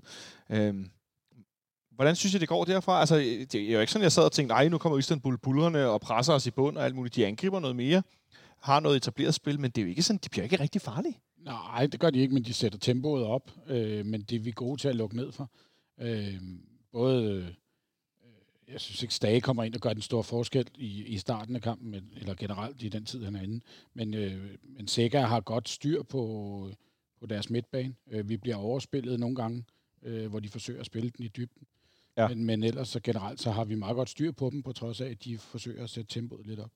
Øh, og det giver så også bare noget mere plads til os fremad. Øh, Ja, det giver noget mere plads, og vi har en periode i løbet af anden halvleg, øh, Samuel, hvor jeg bare sidder og venter på, at vi scorer det tredje mål. Ja. Øh, når vi råber bolden, eller når vi spiller i banens længderetning, så ser de ikke, så ligner de det her hold med en gennemsnitsalder, øh, som jeg ikke kan huske, hvor høj var i går, men jeg, jeg mener, jeg læste mig til, at der var to spillere under 30 i startopstillingen. Øh, det i sig selv er jo nærmest også øh, 28,4. 28,4 i gennemsnitsalder, og så må der være en mere eller to i hvert fald. Men det er i hvert fald et, øh, et rigtig gammelt hold, det er der ingen tvivl de jo om. ikke Robinho med. Og de har ikke Robinho med, nej. Det kunne være fædre til hele Nordsjællands hold. Det er tæt på. Det minder mig om øh, AC Milan i nogle, i nogle sæsoner for 10-15 år siden, ja. Hvor at, øh, der skulle man altså ikke tale om, øh, at man lige havde fået sin første løn og sådan noget, fordi de havde alle sammen tre børn. øh, de, det var øh, en gammel trup også, og det er helt sikkert også det her Istanbul-hold. Og det var det lidt præg af, øh, rent øh, stamina-mæssigt, at de var altså flade. ja, de, de knækker over efter 2-0-målet, øh, fordi der skal de egentlig op og angribe. Og så bliver det lidt et fabrilsk omkring, at når, når vi egentlig får spillet forbi midtbanen og angriberen, så ligger der egentlig et kæmpe hul. Og det er jo der, vi, hvor vi egentlig også får øh, en del øh, kontramuligheder, også der, øh, hvor Falk egentlig scorer. Det er, at Prøv lige at tale os igennem det der mål. Nu talte vi om Jonas Vind før. Prøv lige, prøv, som, som tidligere fodboldspiller, eller Zuma-spiller, nu Samuel. Den der, øh, det der, kan man kalde det en assist, når Falk har så mange berøringer efterfølgende? Ja, altså det er det jo. Øh, lige, lige, ligegyldigt, hvor mange berøringer han egentlig tager, så længe at det er ham, der, der scorer målet. Øh, men, men det er det med at, øh, at have en spilforståelse. Ja. Øh, også om, at det, at når du har en angriber, som i den her sekvens, hvor at han faktisk ender lidt længere nede i banen, end, øh, end han egentlig burde, at, at, at Falk som en meget, meget klog fodboldspiller ser, at han bliver nødt til at skabe noget dybde ved at løbe ned, fordi ellers så bliver det presset ned, og så ender bolden egentlig tilbage til forsvaret. Øh, og det er jo der, hvor man kan se, at det er kloge fodboldspillere, hvordan han godt ved, at der skal noget dybde på, og der er en, der skal stikke ned i det rum, som Jonas Vind egentlig burde ligge i. Øh, og så at han bare, altså det touch, han har, han ligger den jo perfekt med den rette temperatur, og det er præcis sådan, så Falk med sin far præcis kan nå den og tage trækket forbi ham. Jeg tror, han kommer glidende lige, hvor han undgår det. Øh, og så øh, er jeg jo rigtig glad for, at øh, Falk for en gang skyld bliver selvisk i den her sekvens. Øh, det er noget, hvor at normalt så skal han tage træk og øh, lægge den ud og sådan noget. Og der gør han egentlig det, som måske gør, at han ikke er blevet en farligere spiller herhjemme. Øh, fordi han er jo en skide god fodboldspiller, at han bare øh, tager den mod målet, og han sørger, han skaber den sekvens, når man spiller 3 mod 2, at øh, midterforsvaret skal lave et udfald. Og det gør de jo egentlig ikke. De bakker, bakker, bakker, og til Ja. sidst så kommer han jo egentlig så tæt på, at han øh, med en hård inderside faktisk skal lægge den ned i hjørnet, frem for måske at spille den ud. Øh, øh, kongemål. Igen øh, noget ABC med øh, en angriber, der trækker ned og ligger af, øh, og du så skaber overtal. Helt fantastisk. Tror du, den var lukket der, Henrik? Ja, der var den lukket. Der, de gik ikke op og lavede øh, to mål. Det, det tror jeg, altså... Hvad er vi i øh, vi er 62. 20. minut, ikke? Og øh, ej, det, det, der, der, havde jeg, der havde jeg sagt, at nu, nu går de videre. Også fordi de allerede der var begyndt at se lidt øh, småtrætte ud og, og hænge lidt, øh, når, når, vi, øh, når de selv skulle i angreb. Ikke? De kom ikke med det samme. Nej, de har nogle, nogle enkelte episoder. De har deres første afslutning i, i løbet af anden halvleg. Elia, der trækker ind fra venstre siden, afslutter flat midt i, i målet som Kalle redder. Og så har de en situation, hvor øh, en spiller, som jo har været meget udskilt her i foråret, specielt efter han øh, valgte at, at give bolden til Michael Ure ude i Brøndby, øh, Andreas Billand, han spiller en, synes jeg, en rigtig, rigtig god kamp. Øh, den bedste kamp, han har spillet i lang tid. Og der er en situation til sidste kamp, hvor han får hættet hul i luften, og så ender bolden videre til, nu kan jeg ikke engang udtale hans navn, så det vil jeg prøve at lade være med, øh, Istanbuls øh, måske bedste spiller overhovedet, øh, som så har, har en mårløs fri afslutning i, i højre side af vores felt, som man heldigvis tordner over mål øh, til stor glæde for øh, os alle sammen. Og det er ligesom det, de har. De har et indlæg, hvor Demba bare ikke kommer frem på den. Øh, men de har jo ikke, det er jo ikke sådan opløb eller 3-4 hjørnespark i træk, hvor man sidder og tænker, ej, nu bliver vi presset helt ned på stregen og skal sparke væk. Og det var i virkeligheden ret, øh, jeg får lyst til at sige, overlænt. Ja, det, ja men, overbevisende. Kan vi gå med overbevisende, det? Overbevisende men, måske bedre. Og som Ståle også var inde på i går, altså de sidste 10 minutter, hvordan vi spiller bolden rundt, er jo, det er jo også overlegnet. Øh, der vil jeg godt have lov til at kalde det overlegnet. Men, men forskellen på, på det her øh, hold, som vi møder i går, og, og når vi spiller i Superligaen, er bare, at øh, en Bjelland, han får mulighed for at spille bolden op. Altså, han er ikke tvunget til de her lange afleveringer op mod en, en angriber, som måske ikke... Øh, altså, de danske hold gør, at vi kommer til at stå meget mere kompakt. Her kunne vi blive lidt længere, strukke lidt mere, få noget mere plads i mellemrummene til at få lov til at spille, som bare gør, at vores, vi var inde på det tidligere, tekniske spillere, de spiller bare bedre, og ikke bliver konstant sparket ned bagfra. Og så ender vi med at vinde 3-0. Relativt komfortabelt. Øhm, altså, nu havde jeg jo håbet og, og gættet på det her 2-0, og så gik vi videre, øh, men med, med lod og trisser. Det blev det overhovedet ikke. Det, det, det, tror du, de var klar til Champions League og ferie, de her gamle Istanbul-spillere, eller hvad, hvad, hvad tror du gjorde udslaget, Simon? Øhm, øh, ja, altså det, det er jo svært, fordi jeg tror, altså, de har været 100% motiveret til kampen, men jeg tror, at der kommer et eller andet tidspunkt, hvor der kommer noget mentalt ind, som betyder, at når de ligesom prøver at kigge på pros and cons, og måske at man kan blive skadet, og de har også kort opstart alligevel, altså der er også en tyrkisk liga, der starter, så, så Hov, oh, nu ringer telefonen. Ringer Ej. Kæreste. Ej, så der rører i anden dam. Ja. Så tager oh, du lige over. Åh, oh, oh. Ja, øh, altså, jeg, jeg, jeg tror også, der er mentalt et eller andet sted op i deres hoved. Godt se, da vi kommer foran 3-0. Ja, de forsøger, og deres uh, træner forsøger også igennem øh, efterfølgende bare at stå og prøve at pumpe noget motivation ind i dem, og begynder at stå og brokse over, at vi får lang tid om at tage et indkast, og vi laver en lille detalje med, at der er tre forskellige, der skal over og, og tage et hjørne og sådan noget. Altså, det, det hele tiden øh, forsøger vi jo også at gøre vores til, at vi bare kan trække tiden. Øh, øh, og de har mistet mod på det tidspunkt. Altså, øh, og vi får jo lov til at spille bolden rundt, og jeg synes også, vi har også en situation til, at vi sagtens skal lukke den til 4-0, ja. øh, hvor Bartolets bør skyde i stedet for, så ligger vi den først den ene vej, og så den anden vej, og så tilbage igen, og lidt rundt om, øh, og så får vi et hjørne til sidst for os. Ja, jeg, jeg synes, det sidste, vi lige kort skal nævne, det er den her situation i slutningen af kampen, hvor Jonas Vind og, øh, nu er det faktisk lidt tvivl om, den anden er, øh, de cykler rundt med bolden ned. Er det Brian Oviedo, tror jeg? Ja, Oviedo eller Bartolet. Ja, øh, at vi har tre hjørnespark for kort tid, hvor fire. Jonas Vind simpelthen øh, fire endda. Fire i træk, ja. Simpelthen bare bruger to minutter. Ja. Hvor vi nogle gange har set det, hvor vi skal stå og holde dernede, og jeg bliver så træt, fordi der går 11 sekunder, så har modstanderen bolden. Ja. Pumper den tilbage vores, mod vores felt. Men i går, der havde vi simpelthen, så brugte vi simpelthen to minutter på, at de var ikke i nærheden Nej. af at få bolden ud af deres zone. Og øh, den ene, jeg kan ikke huske, om det er den tredje eller den fjerde gang, eller sådan noget, hvor der til sidst kommer en løbende ned bare og prøver i hærdet bare at fjerne øh, Jonas Vind ben uhemmet. Øh, og det var bare frustration fra deres side af, altså de kan ikke, at de ikke kan få bolden. Og det lykkedes ikke en, øh, en man of the match for den her pragtkamp i går, der nu sikrer os den første europæiske kvartfinale i klubbens historie. Hvad siger du, Henrik? Man of the match i går? Ja, det er svært at komme udenom Jonas Vind, øh, men jeg sad godt og tænkte på det i går. Øh, jeg, jeg, altså, jeg, jeg er jo fan af Modric, øh, men han har manglet det sidste at, at, at spille 90 minutter. Jeg synes, han spiller en, en rigtig god kamp i går. Ja, så din mand er Ja, det bliver Jonas Vind. Det kan, Jonas vi, Vind? komme, det kan vi ikke komme ud om. Samuel. Øh, jeg står imellem øh, Vind og, øh, og Falk. Øh, men, men det Jonas gør, hvad kan man sige, taget i betragtning af, hvor længe han har været skadet, hvor ung han er, og hvor lidt han egentlig har spillet på den her scene, så, så må det være det, fordi det niveau, han viser i den alder øh, på den scene, øh, gør også bare noget, at man tænker, hvad kan det ikke blive til, og hvad kan det ikke blive til mod øh, endnu bedre hold, hvor at han måske ja, har endnu mere selvtillid, så det må også være, være hans. Men, øh, men Falk synes jeg er meget, meget tæt på, fordi han, han, han spiller øh, en position, øh, øh, hvor at hans forser kommer allermest i spil. Øh, Og- og det, Og han får gjort de andre gode. ja, præcis. Ja. Han spiller de andre gode. Så går jeg med den helt latteglade fanversion, og så siger jeg Nikolaj Bøjlesen, bare for at have ham tilbage i startopstilling. Ja. Øh, nej, han er ikke man efter match, men jeg synes, han skal have en honorable mention for at spille rigtig, rigtig godt, og for en at god kamp. bringe vores spil en hel masse. Øh, og indgå i kombinationer med Rasmus Falk, og med den centrale midtbanespiller, om det er Modrasje eller sikkert, der søger ud i, den, i det her område, og kunne spille den anderledes frem til Kaufmann. Det, det er nu helt, helt andre ting, der foregår, når han spiller, i stedet for Per Bengtsson.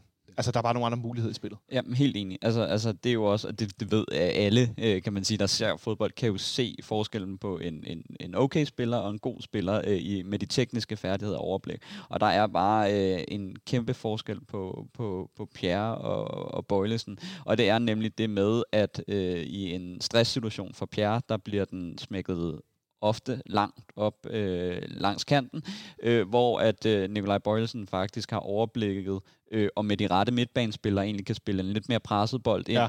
øh, hvor at vi så kan spille den rundt om den igen, og så få den ud på den anden fløj. Øh, og så den anden, jeg også lige vil nævne der, øh, Varela synes jeg faktisk også spiller en, en, en, en, en bedre kamp, end jeg har set ham, fordi han faktisk kommer flere gange øh, meget mere offensivt øh, op øh, af kanterne, som vi nogle gange mangler. Der var flere, der gjorde det rigtig godt i går. Det er også derfor, at vi spiller så øh, overbevisende en kamp, at der er god øh, synergi i holdet. Der er god, øh, altså det er, en, det er en enhed, der spiller. Det, Spillerne spiller ikke så individuelt, som man ser nogle gange. Nej. Nå, øhm, det bringer jo som sagt videre til den her kvartfinale på mandag Og i, jeg, lige, øh, jeg, i jeg vil godt lige nævne noget. Ja. Var jeg den eneste, der sådan over ham her, øh, Enzo Cravelli, som de havde op foran, fik øh, sådan nogle Frederik Santander-vibes over ham? F- Så kaldte du ham lige Frederik Santander? Frederico, undskyld. Ja, nu, nu, Ja. nu, stopper jeg, det. var- Jeg blev så entusiastisk omkring det. Fik, var jeg den eneste, der fik sådan nogle, Martin sidder også og nikker. Ja, men var det på udseende eller på spil? Både udseende og øh, statur og måder, han spiller på. Var han ikke? Nå, ham der blev skiftet ud til sidst i Ja, kampen. Ja, okay. Samme knold, også en type, der kunne gå i sådan noget ripped jeans og, og sådan Ja, en rigtig... 25-årig ja. franskmand. Øh, Ikke så meget hals. Nej, det er præcis. Nej, det er rigtigt. Ja. Øh, der var lidt over det, det er rigtigt, ja. Øhm, om der er nogen uden hals øh, på mandag, det finder vi ud om lidt. Thanks for tuning in to FC Copenhagen Fan Radio. You're listening to Atiba Hutchinson. Så smiler du, Henrik. Det Ja, er godt. det er godt. Ja, det er godt. Altid han har, forresten, der, han har jo lige forlænget. med... Ja, nede i, i Istanbul også. Men han er ikke, han er ikke 100 år gammel. Han er er også- 37, han har lige forlænget med et enkelt år mere. Ja, men de der lange ben, de kan altid fange en bold Ja. ja. i et kontra. Det er der ingen tvivl om. Eller cykle Ja. rundt i en telefonboks og drible 3-4 mand. Ja. Nu skal vi møde Manchester United på, øh, på mandag. Jeg vil sige, det skulle lidt overraskende. De vandt øh, 2-1 over Lask Lens i går, i en kamp, hvor de stillede med øh, alle de reserver, de næsten kunne komme i nærheden af. At, øh, normale starter var vi ude i Harry Maguire, og nogen, der start, spiller nogle gange Fred på midtplanen blandt andet, men det, der var nogle Martial beskiftet ind i anden halvleg, men primært var det en række reserver, der øh, var på banen for United. Øhm, jeg havde æren af tidligere dag at være med i en dansk Manchester United fan podcast, Old Trafford. Old Trafford podcast, eller oldtrafford.dk podcast, noget af den stil hedder den. Jeg blev inviteret til at, øh, hvis vi gik videre i går, til at, at øh, bringe et FC Københavns synspunkt. Det var en meget øh, sjov oplevelse at tale med de her øh, øh, United-fans, som jo øh, omtaler United-spillerne ved kælenavn. Så indimellem skulle jeg godt nok være øh, vaks ved havelån for at forstå, at øh, øh, øh, hvad var det, de kaldte øh, Jesse Lingard? Var det øh, Legidinho eller noget af den stil, han bliver kaldt sådan et eller andet fra, fra de engelske fans af? Der skulle jeg altså lige holde tungen i munden. Øhm, men de fik i hvert fald talt om, at, at det var en voldsom reserveopstilling, og de var lidt i tvivl om, hvor meget de skulle gå efter og gå videre mod os eller ej, i forhold til, at de også har en Premier League-turnering, der starter om ikke så længe, og noget med at have noget sommerferie, som vi også har talt om, i forhold til at blive nummer to eller nummer tre i Superligaen. Men de stillede i går med en et fandens masse reserver, og øh, det tror jeg jo ikke, de gør på mandag. Øh, der er også noget med at vinde nogle trofæer.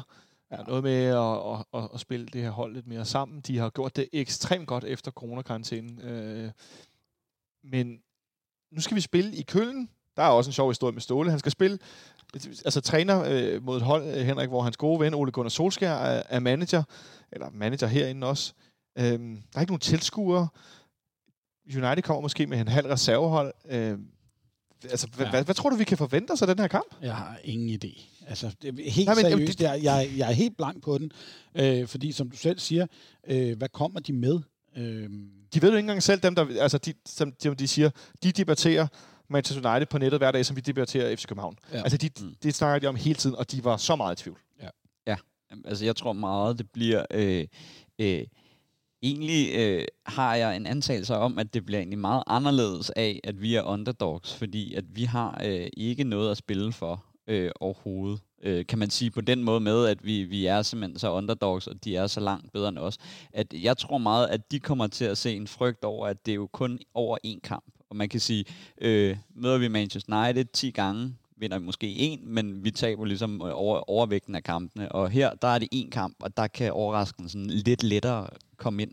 men så vil statistikken jo sige, at vi taber, for vi har vundet herinde jo. Det er rigtigt. En kamp, vi selvfølgelig også har talt med de her United-drenge om tidligere, øh, og nogle af dem var lidt trætte af, at, at de skulle spille mod os, fordi så vidste de godt, så indtil på mandag skal de høre om den her freaking ja. 1-0 kamp herinde øh, i 2006. Kan du huske, hvor koldt det var, Henrik Monson? Øh, ja, for jeg lå hjemme på min sofa med øh, feber og snot i hele hovedet. Jeg tror, det er den eneste fodboldkamp i mit liv, hvor jeg har haft to par lange underbukser på. Ja.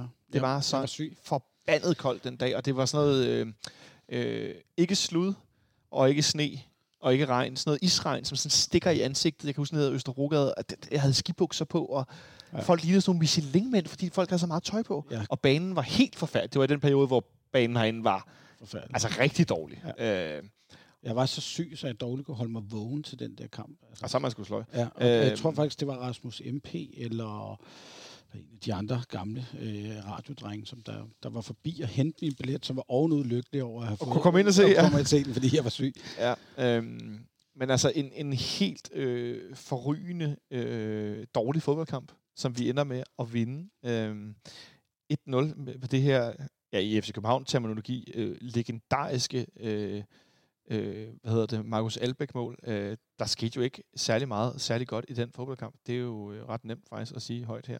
Øh, men vi ender jo med at, at vinde dengang.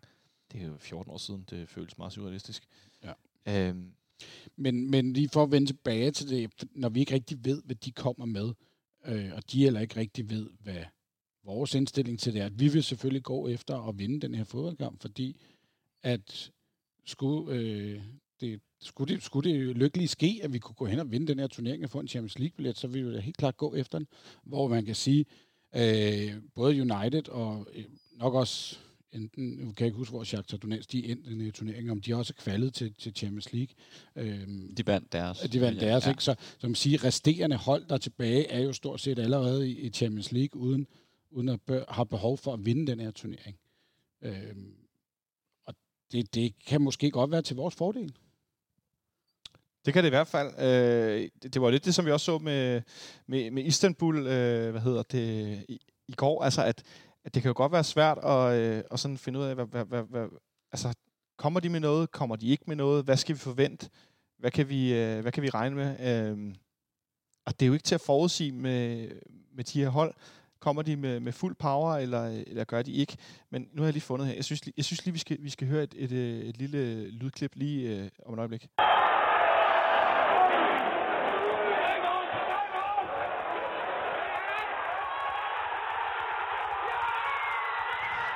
Det her det er et, øh, et lydklip, som øh, en mange, mange år i FC København-fan, Erling Jonsen, han har lagt op på, Insta- på øh, YouTube for mange år siden. Og det er klippet, hvor at, øh, Markus Albeck, han scorer. Det er filmet med, gætter på, et kamera.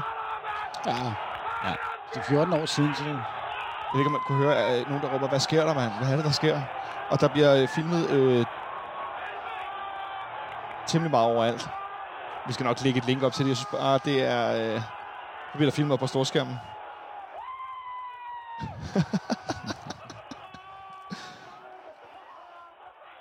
Men et helt andet sted i FC Københavns øh, historie. hvor at, øh, det der med at vinde europæiske kampe for det første ikke var noget, vi gjorde sådan super meget i. Nå, Og det der med at vinde over en, en europæisk, øh, eller en, en, en, europæ- et fodboldstormagt som Manchester United, var jo fuldstændig utopisk. Ja, og så det vi også snakker om, det er jo egentlig, hvornår vi sidst har mødt et, et stor, stor hold.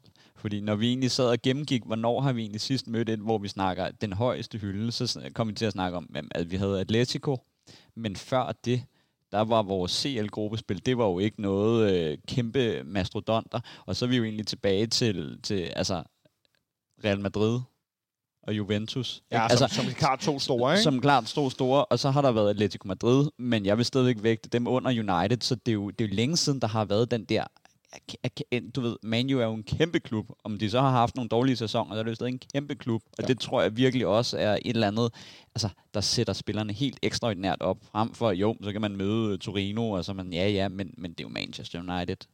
Det, Det er jo en af, jeg vil sige, det er en af de i hvert fald løst, øh, det er en af de fem største klubber i verden, måske ikke, øh, måske en af de tre største klubber i verden. Jeg vil kunne godt gå så langt som at sige Real Madrid, Barcelona, øh, Manchester United på mål på økonomi og på fanbase worldwide. Liverpool den fjerde, ja. måske Juventus den femte, kvæg af ja, undskyld, men alene Cristiano Ronaldo. Ja. Han tiltrækker af, Ja. af penge og opmærksomhed. Det er måske lige nu de fem øh, største. Så kan der være, der er nogen, der finder en liste over, hvem der tjener mest for Forbes. Hvor det ikke lige er sådan der, men det vil jeg tænke umiddelbart som Ja. de fem største klubber i verden. Øhm, favoritter til at vinde Champions League. Alle fem klubber. Det er ligesom, det er ligesom der, det er, ikke? Ja, jo, og det er derfor, at det er jo, det er jo, det er jo helt vildt, fordi at det, det er så længe siden, der har været det, og at man så ikke kan opleve det. Og det gør nok også i de her coronatider, at en, en sejr over dem vil være stor, men den vil ikke være, det vil ikke være sådan noget, hvor man tænker "Wow, legendarisk, fordi der sikkert kommer nogle mænd, og så er corona, og de stiller op med reservehold, og det, det er jo Euroleague, ikke? Skulle man slå dem, og vi om 10 år sidder, kan I huske dengang, vi mødte Manchester United i uh, Final 8 nede i Køben? altså, det er jo ikke, jo jo, vi vandt, men det var sådan lidt, Det bliver Altså, fæsent, ikke? jo, det bliver lidt sådan et, ambi, lidt ambivalent forhold til den her øh, turnering på en eller anden måde, sådan som den skal afsluttes. Og det vil jo helt klart også være en kassekamp at have fået herinde øh, over to kampe. Ikke? Men stadigvæk, om vi er der eller ej. Helt alvorligt. Hvis vi skulle slå Manchester United ud af den her, altså hvis de stiller med fuld startopstilling, så er det jo et hold, der er 6, 8, 10, 15 gange så meget værd som vores Du, samlede har, du kan have en spiller, der er mere værd end hele vores trup til sammen. Altså, det er jo øh, det, det er overhovedet ikke. Der er måske endda flere, der er det, ikke? Så, så, så det er jo øh, det, det er fuldstændig absurde størrelsesforhold. To niveauer over Ja, i hvert fald. af mange af spillerne, ikke? Øhm, de bringer unge spillere op og taler om, ah, måske er han god nok til at spille meget, så har de sådan, sådan Mason Greenwood og sådan noget, som har brager igennem, og som er hurtigere end mig på racercykel, hvad jeg lige vil sige. Altså, det, det, det, er, det er virkelig øh, det er svært at forholde sig til. Men det er fodbold, og har hak i sen, alt kan ske og sådan noget, men, men hvis de stiller med fuld startopstilling, så, hvad, hvad giver, jeg? så giver jeg også 10-15 procent. Jeg håber, de laver en halv-halv måske, og så starter med, med nogle det, der- reserver og nogle faste spillere. Det, det, de kan ikke. Altså, de kan jo stille med reservehold. Kommer de bagud 1-0, jamen, så laver de fem indskiftninger, og så er de bare også overlegne. Altså, Mm. på alle punkter, ikke? Jo. Øhm, så jeg, jeg håber bare ham med Tahi Chong, han kommer ind, for jeg synes, han er verdens fedeste Ja. ja. frisyrer, altså. Kæmpe bange. Men øh, nu er det jo også sådan, som jeg nævnte før, at det er Ole Gunnar Solskjaer, der er manager i, øh, i Manchester United, og han er rigtig god venner med Ståle Solbakken. Ståle læste jo op på pressemødet i går mm. efter kampen, sms'er fra Ole Gunnar, lige, som han havde sendt lige ja. Ja. inden United skulle spille, og lige inden vi spillede, og de havde været sådan lidt i kontakt, som, øh, som hvis man skrev med en god kammerat, der så fodbold hjemme hos sig selv, tirsdag aften eller onsdag aften. Øhm, tror du, Samuel, tror du, de kan overraske en anden taktisk overhovedet? Øh, nej. Øh, det tror jeg egentlig ikke. Øh, Og den er så hermed lukket. Der! Den, det var det. Øh, men nej, det tror jeg egentlig ikke. Øh, også fordi, at altså, øh, det er jo helt absurd, at øh, hvis vi lige går tilbage til Istanbul-kampen, at de ikke er opdateret på, øh, på skadesfrekvenser og hvordan folk har spillet, og man kontinuerligt, Nikolaj Bøjlesen er kommet ind, og der er medier, der har skrevet, han starter inden. Øh, det, øh, må jeg sige, det er rigtig dårligt scoutarbejde af klubben, at de ikke ved det, eller bare ikke er opdateret på den front. Ja, det var jo ikke hemmeligt. Det var nemlig ikke hemmeligt. Vi stod der, øh, Nikolaj Bøjen siger, det er jo ikke en overraskelse, vi læste det i, i medierne. Så jeg tror ikke, at der kommer øh, overraskelser på, på spillere. Øh, det er jo nok mere, øh, at en opstilling, der kan være anderledes, men jeg tror, de har styr på samtlige spillere, kvaliteter øh, og facetter. Tror du, vi kunne se igen den her ikke flade 4-4-2? Nu skal vi spille mod et hold, som er øh, undskyld, taktisk bedre, hurtigere og stærkere. om vi går tilbage til den her mere defensive 4-4-2, som vi kender det, eller om vi igen fortsætter med en lidt anderledes opstilling ud for de spillere, der faktisk er klar. Mm, øh, jeg tror ikke, at øh, Ståle vil tør at, at, at satse offensivt. Vi kommer vi bagud, så vinder vi ikke kampen. Så jeg tror eksempel, at Jens Dage kunne byttes ud med en af måske Pep Biel, øh, øh, eller Modrasja, vil være oplagt, fordi at, øh, at, at kommer vi bagud, så er den kamp tabt. Og, og man skal sige, det er jo sådan en kamp, hvor vi godt ved som underdog, den skal holde sig live så lang tid som muligt, og man egentlig lidt skal håbe på, eller den tidligere øh, Manchester United-kamp, vi havde herinde, at det er den der med, når man de er fair nok og 0-0, og det er fint, og så kan der komme noget til sidst i kampen. Fordi ellers så tror jeg ikke, vi har en chance. Jeg tror, Ståle har det væsentligt sværere end øh, Ole Gunnar, øh, fordi øh, Ole Gunnar kan sætte sig ned og sige, jeg kan se en kamp, som der blev spillet øh, herinde i går, og se, hvad var det, de kom med, øh, hvad er det for nogle spillere. Ståle har ingen anelse om, hvad han vælger at komme med, om det er 16, 17 eller 18-årige spillere, eller det er the full blow på, øh, på, øh, på spillerstaben. Altså, det Ståle kan lige så godt gætte, så man kan se, hvad der er med. Altså mindre han stiller ind i, øh, i ude foran, øh, når de ankommer med flyet, og ser, hvem der er med, og hvem der ikke er med, så kan han begynde at gætte derfra. Men øh, det, jeg tror, han bare er meget svær. Skal vi koncentrere os mere om os selv i virkeligheden? Ja, øh, ja det, det er alfa og omega her. Det, det er det jo som regel, men jeg mener, især i sådan et tilfælde, at de har så mange spillere at vælge imellem. Ja, ja, ja. Altså, det skal ikke være fokus på, at øh, ham kanten skal lukkes ned, fordi at øh, han kan køre os rundt, uanset hvad, øh, om man så prøver eller ej. Ikke? Så det er jo nok mere bare... Øh, vi skal nok tilbage til mere af de gamle ståledyder med, øh, med, med defensiv struktur, øh, og så håbe på en Jonas Vind og en Falk kombination, der kan måske skabe noget øh, dødbold. Øh, altså det, det er derude, vi er, øh, og bare kun holde fokus på at holde kampen i live. Øh, og så kan man jo se, hvor langt man kan komme. Det skal være en ren Wozniacki. Vi skal gå ud og spille vores eget spil. Hold da op. Så fik du også lige kørt den ind fra siden. Hvor højt øh, den her kamp i går, i forhold til, at vi nu skal møde Manchester United i en kvartfinal, hvor højt rangerer I den her øh, kamp i går øh, med, med det her resultat, der kommer, eller den her mulighed, der kommer efterfølgende. Hvor højt rangerer den på, på sådan en all-time liste over, øh, over, over triumfer i FC Københavns historie? Oh, hvor, høj, den... hvor højt er vi op? Altså, jeg kan jo godt... Jeg, så, kan du, så kan du tænke over det, Henrik. Nej, fordi... Altså, jeg, jeg, jeg, du har den allerede? Ja, jeg har den, fordi jeg, jeg har det sådan lidt ambivalent med den, fordi jeg synes, det, det, er, det er fedt, vi er kvalet til det her, men jeg synes, det udomliggende øh, gør, at, den, at man ikke selv kunne være der, gør, at den ryger længere ned på, øh, på listen. Så hvor er den henne? Top 10? Close top 10, start top 10. 9, okay, 10 du er helt dernede. Hvor er du hen, Samuel? Øh, jamen, det er, jo, det er jo svært, om du ser kampen isoleret, eller om du ser øh, euro, europæisk kampagne, fordi jeg nej, har det sådan kamp, lidt... Kampen går som resultat. Hvor højt rangerer den? Vi slår de nykårede tyrkiske mester 3-0 på hjemmebane. Og vi taler om før, jeg får sagt overlegen, I kom med på Altså det, vær, det værste er jo, at, at, at resultatet sådan, og holdet, vi møder, er jo eksempel et isoleret bedre resultat end, øh, end Celtic, vil jeg sige. Men, øh, hvad kan man sige, circumstances, det der omkring gør jo, at jeg faktisk vil vurdere, at, at, at det er dårligere resultat, fordi vi ikke var med, og der var ikke en eufori. Så det er jo nok øh, et eller andet nede, at hvis du, hvis du fjerner øh, øh, alle gode øh, Champions League-kampe, hvor vi har fået uafgjort eller vundet, og så krydder den med, med nogle Ajax-kampe, og så, så er det dernede, vi er. Så det er måske også ja, top 10 kunne være meget relevant. Jeg har altså højere op. Det er det med at slå de nukårede tyrkiske mestre så overbevisende 3-0 på hjemmebane. De har et skud på mål i hele kampen. Jamen, de har jo ligget i Jamen, tyrkisk bad de sidste to uger. Altså, det, det, var... det må de sikkert ikke. De er sikkert lukket på grund af corona. Nå, ja, det er ikke. Altså, jeg, jeg synes, det er så stærk en præstation med så mange unge spillere i så stor del af kampen, og med spillere, lige er kommet tilbage fra skader og sådan noget. Jeg synes, det er en mega stærk præstation. Bare der er andre, der byder sig ind før. Altså, øh, som Så du siger, jeg- Ajax-kampen. Øh, øh, den første kamp mod Chelsea over Chelsea. Øh, Lazio herinde, Den første kamp mod Chelsea. øh, hvor Bjarne Goldbæk scorer. Nå, ja, okay, Ja. undskyld. Jeg, jeg tænkte, Ja. vi spiller der på hjemmebane mod Chelsea. Ja, øh, det er nogle af de, hvor man også selv har været der, været en del af det, hele atmosfæren omkring det. Altså, de ligger bare højere, så det kan godt være, at vi er kommet længere i turneringen, men jeg synes bare, sådan nogle oplevelser vægter højere. Okay, men jeg tænkte, det er sådan rent sportsligt. Altså Ja. sådan, hvor, hvor stort et resultat det er. At der synes jeg, det er kæmpe, kæmpe stort historisk set.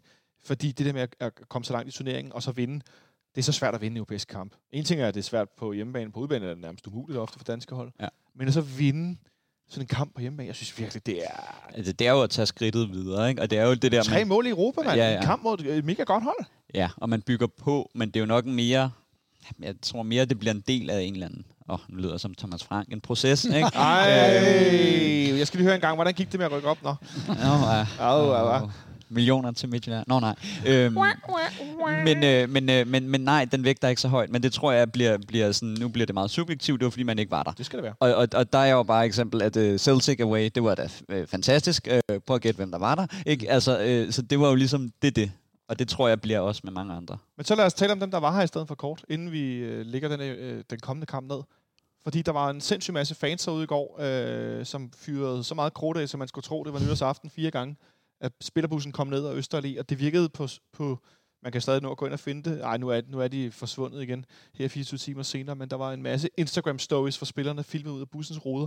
De vidste ikke, at der stod en masse folk og ventede. Det gjorde de simpelthen ikke. Øh, de blev ret overrasket, og det var helt tydeligt, at det var noget, der... Det sagde de jo også selv, uden at blive opfordret til det, at det løftede dem. Øh, det gjorde det helt sikkert, at de har savnet, at der er fans. Jeg tror også, der havde været en hæftig stemning herinde i går, hvis vi havde kunne, kunne få lov at komme ind. Selvom vi kommer de her 7-10.000. Jeg tror, ja. Det havde givet øh, virkelig noget. Øhm, men jeg er nødt til at sige alligevel, uanset hvor fedt det er, hvor fedt det ser ud, jeg har set den her dronevideo, og også efter kampen, og uden for parken, og spillerne står og filmer ud, og når de skulle altså, have fra med i deres biler, og fans, der hudede og jublede, og der var en masse, der så på storskærm hernede ved Central Park. Jeg bliver alligevel lidt lang i skægget i forhold til det her freaking coronavæsen af folk, der bare vælter rundt. Øhm, sorry, og nu lyder det måske kedeligt, men jeg har svært ved at kritisere AGF-fansene for det i stor stil. For at lave crowdsurfing med Mini, da de slår os 4-2, og så nu efterfølgende se alle de her folk gå, uden at sige, jeg synes sgu, det er en smule betingsomt. Det må jeg indrømme. Er jeg for kedelig? Er jeg blevet for gammel?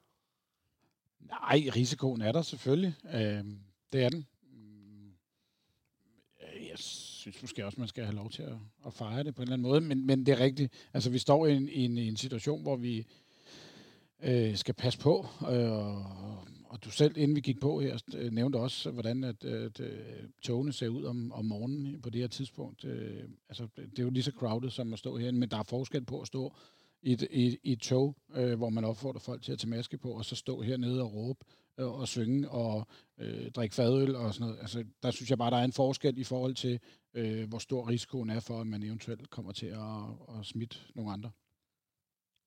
Ja, altså jeg var der jo personligt selv. Øh, ja, nu rykker de... Henrik, slå ham! De yngre herrer rykker sig væk fra mig. Ja, det blev jeg glad for at høre. Men, øh, Det men, der smir, det virker ikke, ja, når du bare nej. går.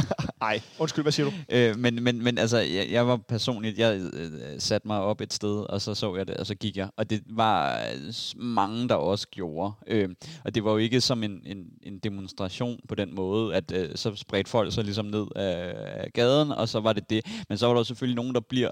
Men det, det tror jeg bare, altså uanset hvad, det, det er svært at undgå, øh, og altså, når du må lave arrangementer med op til 500 mennesker, øh, så kan man sige, så er der jo også tæt på, at de faktisk ikke engang bryder noget, øh, men, men isoleret set, jo, så er det da hammerne dumt, fordi det kan ende med at bide os selv i halen, hvis der er 200 FCK-fans, der får corona, og man så skal til at lukke ned igen.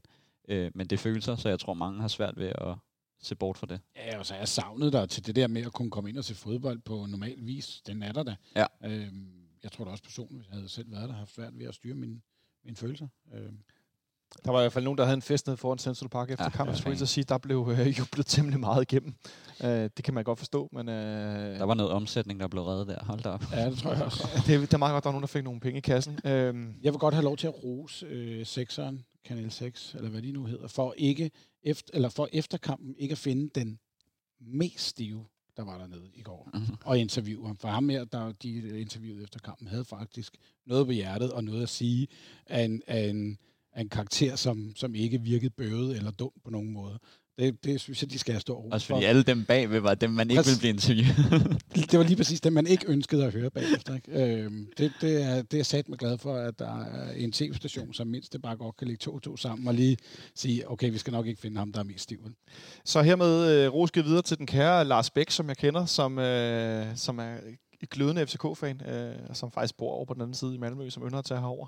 Øh, han var lidt i i et dilemma i efteråret, kan jeg fortælle, fordi at han jo bor i Malmø og har folk, der kommer på stadion og så videre og ser fodbold med nogen, så han var i syv sind, i, da, vi, da vi trak Malmø i Europa League i efteråret. Han var godt nok... Øh, øh, ja, han havde svært ved at finde ud af, hvad fanden han skulle gøre. Så det var, jeg grinede godt nok noget, da han tonede frem på skærmen i går med sit kæmpe store grin, og bare var i den syvende himmel over, at vi havde slået Istanbul. Det var fantastisk.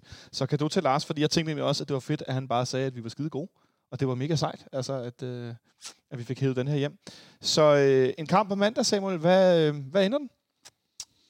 Oh. Ja, nu skal jeg jo lige finde ud af, om jeg har lyst til at være positiv eller negativ. Du skal bare fortælle mig, hvad du tror. Hvad tror du? Vi taber 3-1.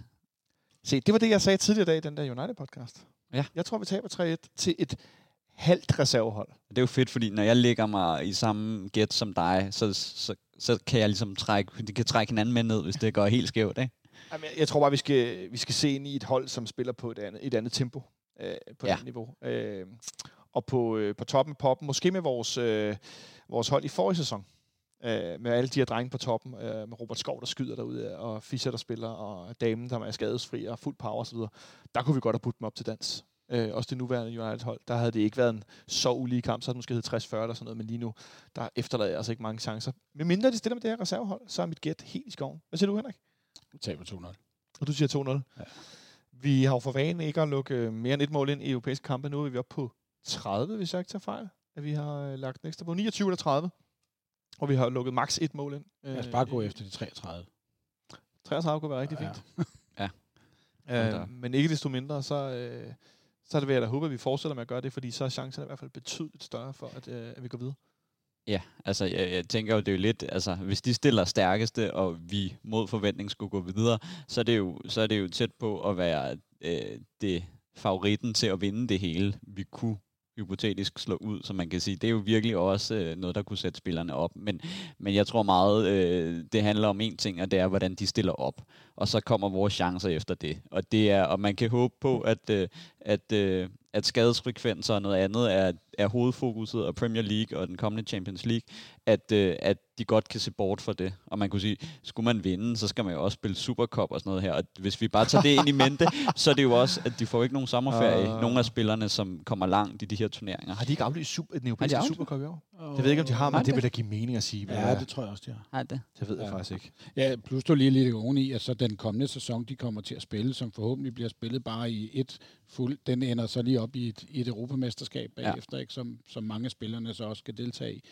Så der kommer nogle spillere over det næste halvanden år, som kommer til at spille så ufattelig mange kampe, så at... Øh, Ja, altså jeg tænker virkelig, at sådan en, en, en, altså en Victor Nilsson kunne man godt få, få sponsoreret en, en eller anden ferie til, fordi den mand, han, han kommer til at spille resten af sin dag. Han laver jo sagt med ikke andet. Nej. Øhm, altså, øh, jeg, jeg synes, det er imponerende. Øhm, så øh, vi, ender, øh, vi ender et sted, hvor at, øh, vi skal spille en Europa League kvartfinale på, øh, på, på mandag i Køln. Ståle skal tilbage til Køln. Jeg håber, det bliver lidt sjovere for ham den her gang, end sidst han var her. Eller var der. Det var øh, ikke så succesrigt. Øh, jeg ved ikke, om der, altså, ja, der var godt nok meget snak om, det blev også en lidt lang snak, men jeg synes godt nok også, der var noget i posen øh, ja. i forhold til i går og i dag og så videre. Der, der, der er sket noget de sidste to døgn i FC København. Øh, det skal jeg hilse at sige. Øh, så jeg ved ikke, om I har mere på hjertet, eller om vi bare skal lægge den ned for der. Øh, I kan jo, altså, jeg, det har I sikkert allerede gjort, når I lytter, men der er jo gode interviews med spillerne omkring den her handel. Øh, Viltik, som vi startede med at tale om. Øh, Bøjlesen, Jonas Vind, nogle forskellige, øh, der udtaler sig om det. Øh, jeg tror i hvert fald, at de som spiller ikke synes, det er så slemt, som vi synes, han Nej. er som person.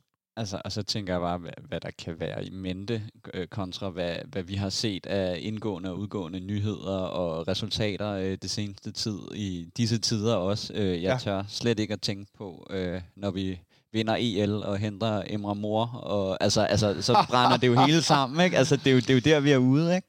Øh, helt forfærdeligt. Øh, så jeg tør simpelthen ikke at tænke på, det bliver sådan, det bliver sådan nogle ubehagelige overraskelser, der må, måske kommer. Ikke? Man ved ikke helt, om det er en god eller en dårlig gave, når man åbner op fra, på Twitter, og så ser der kommet noget op.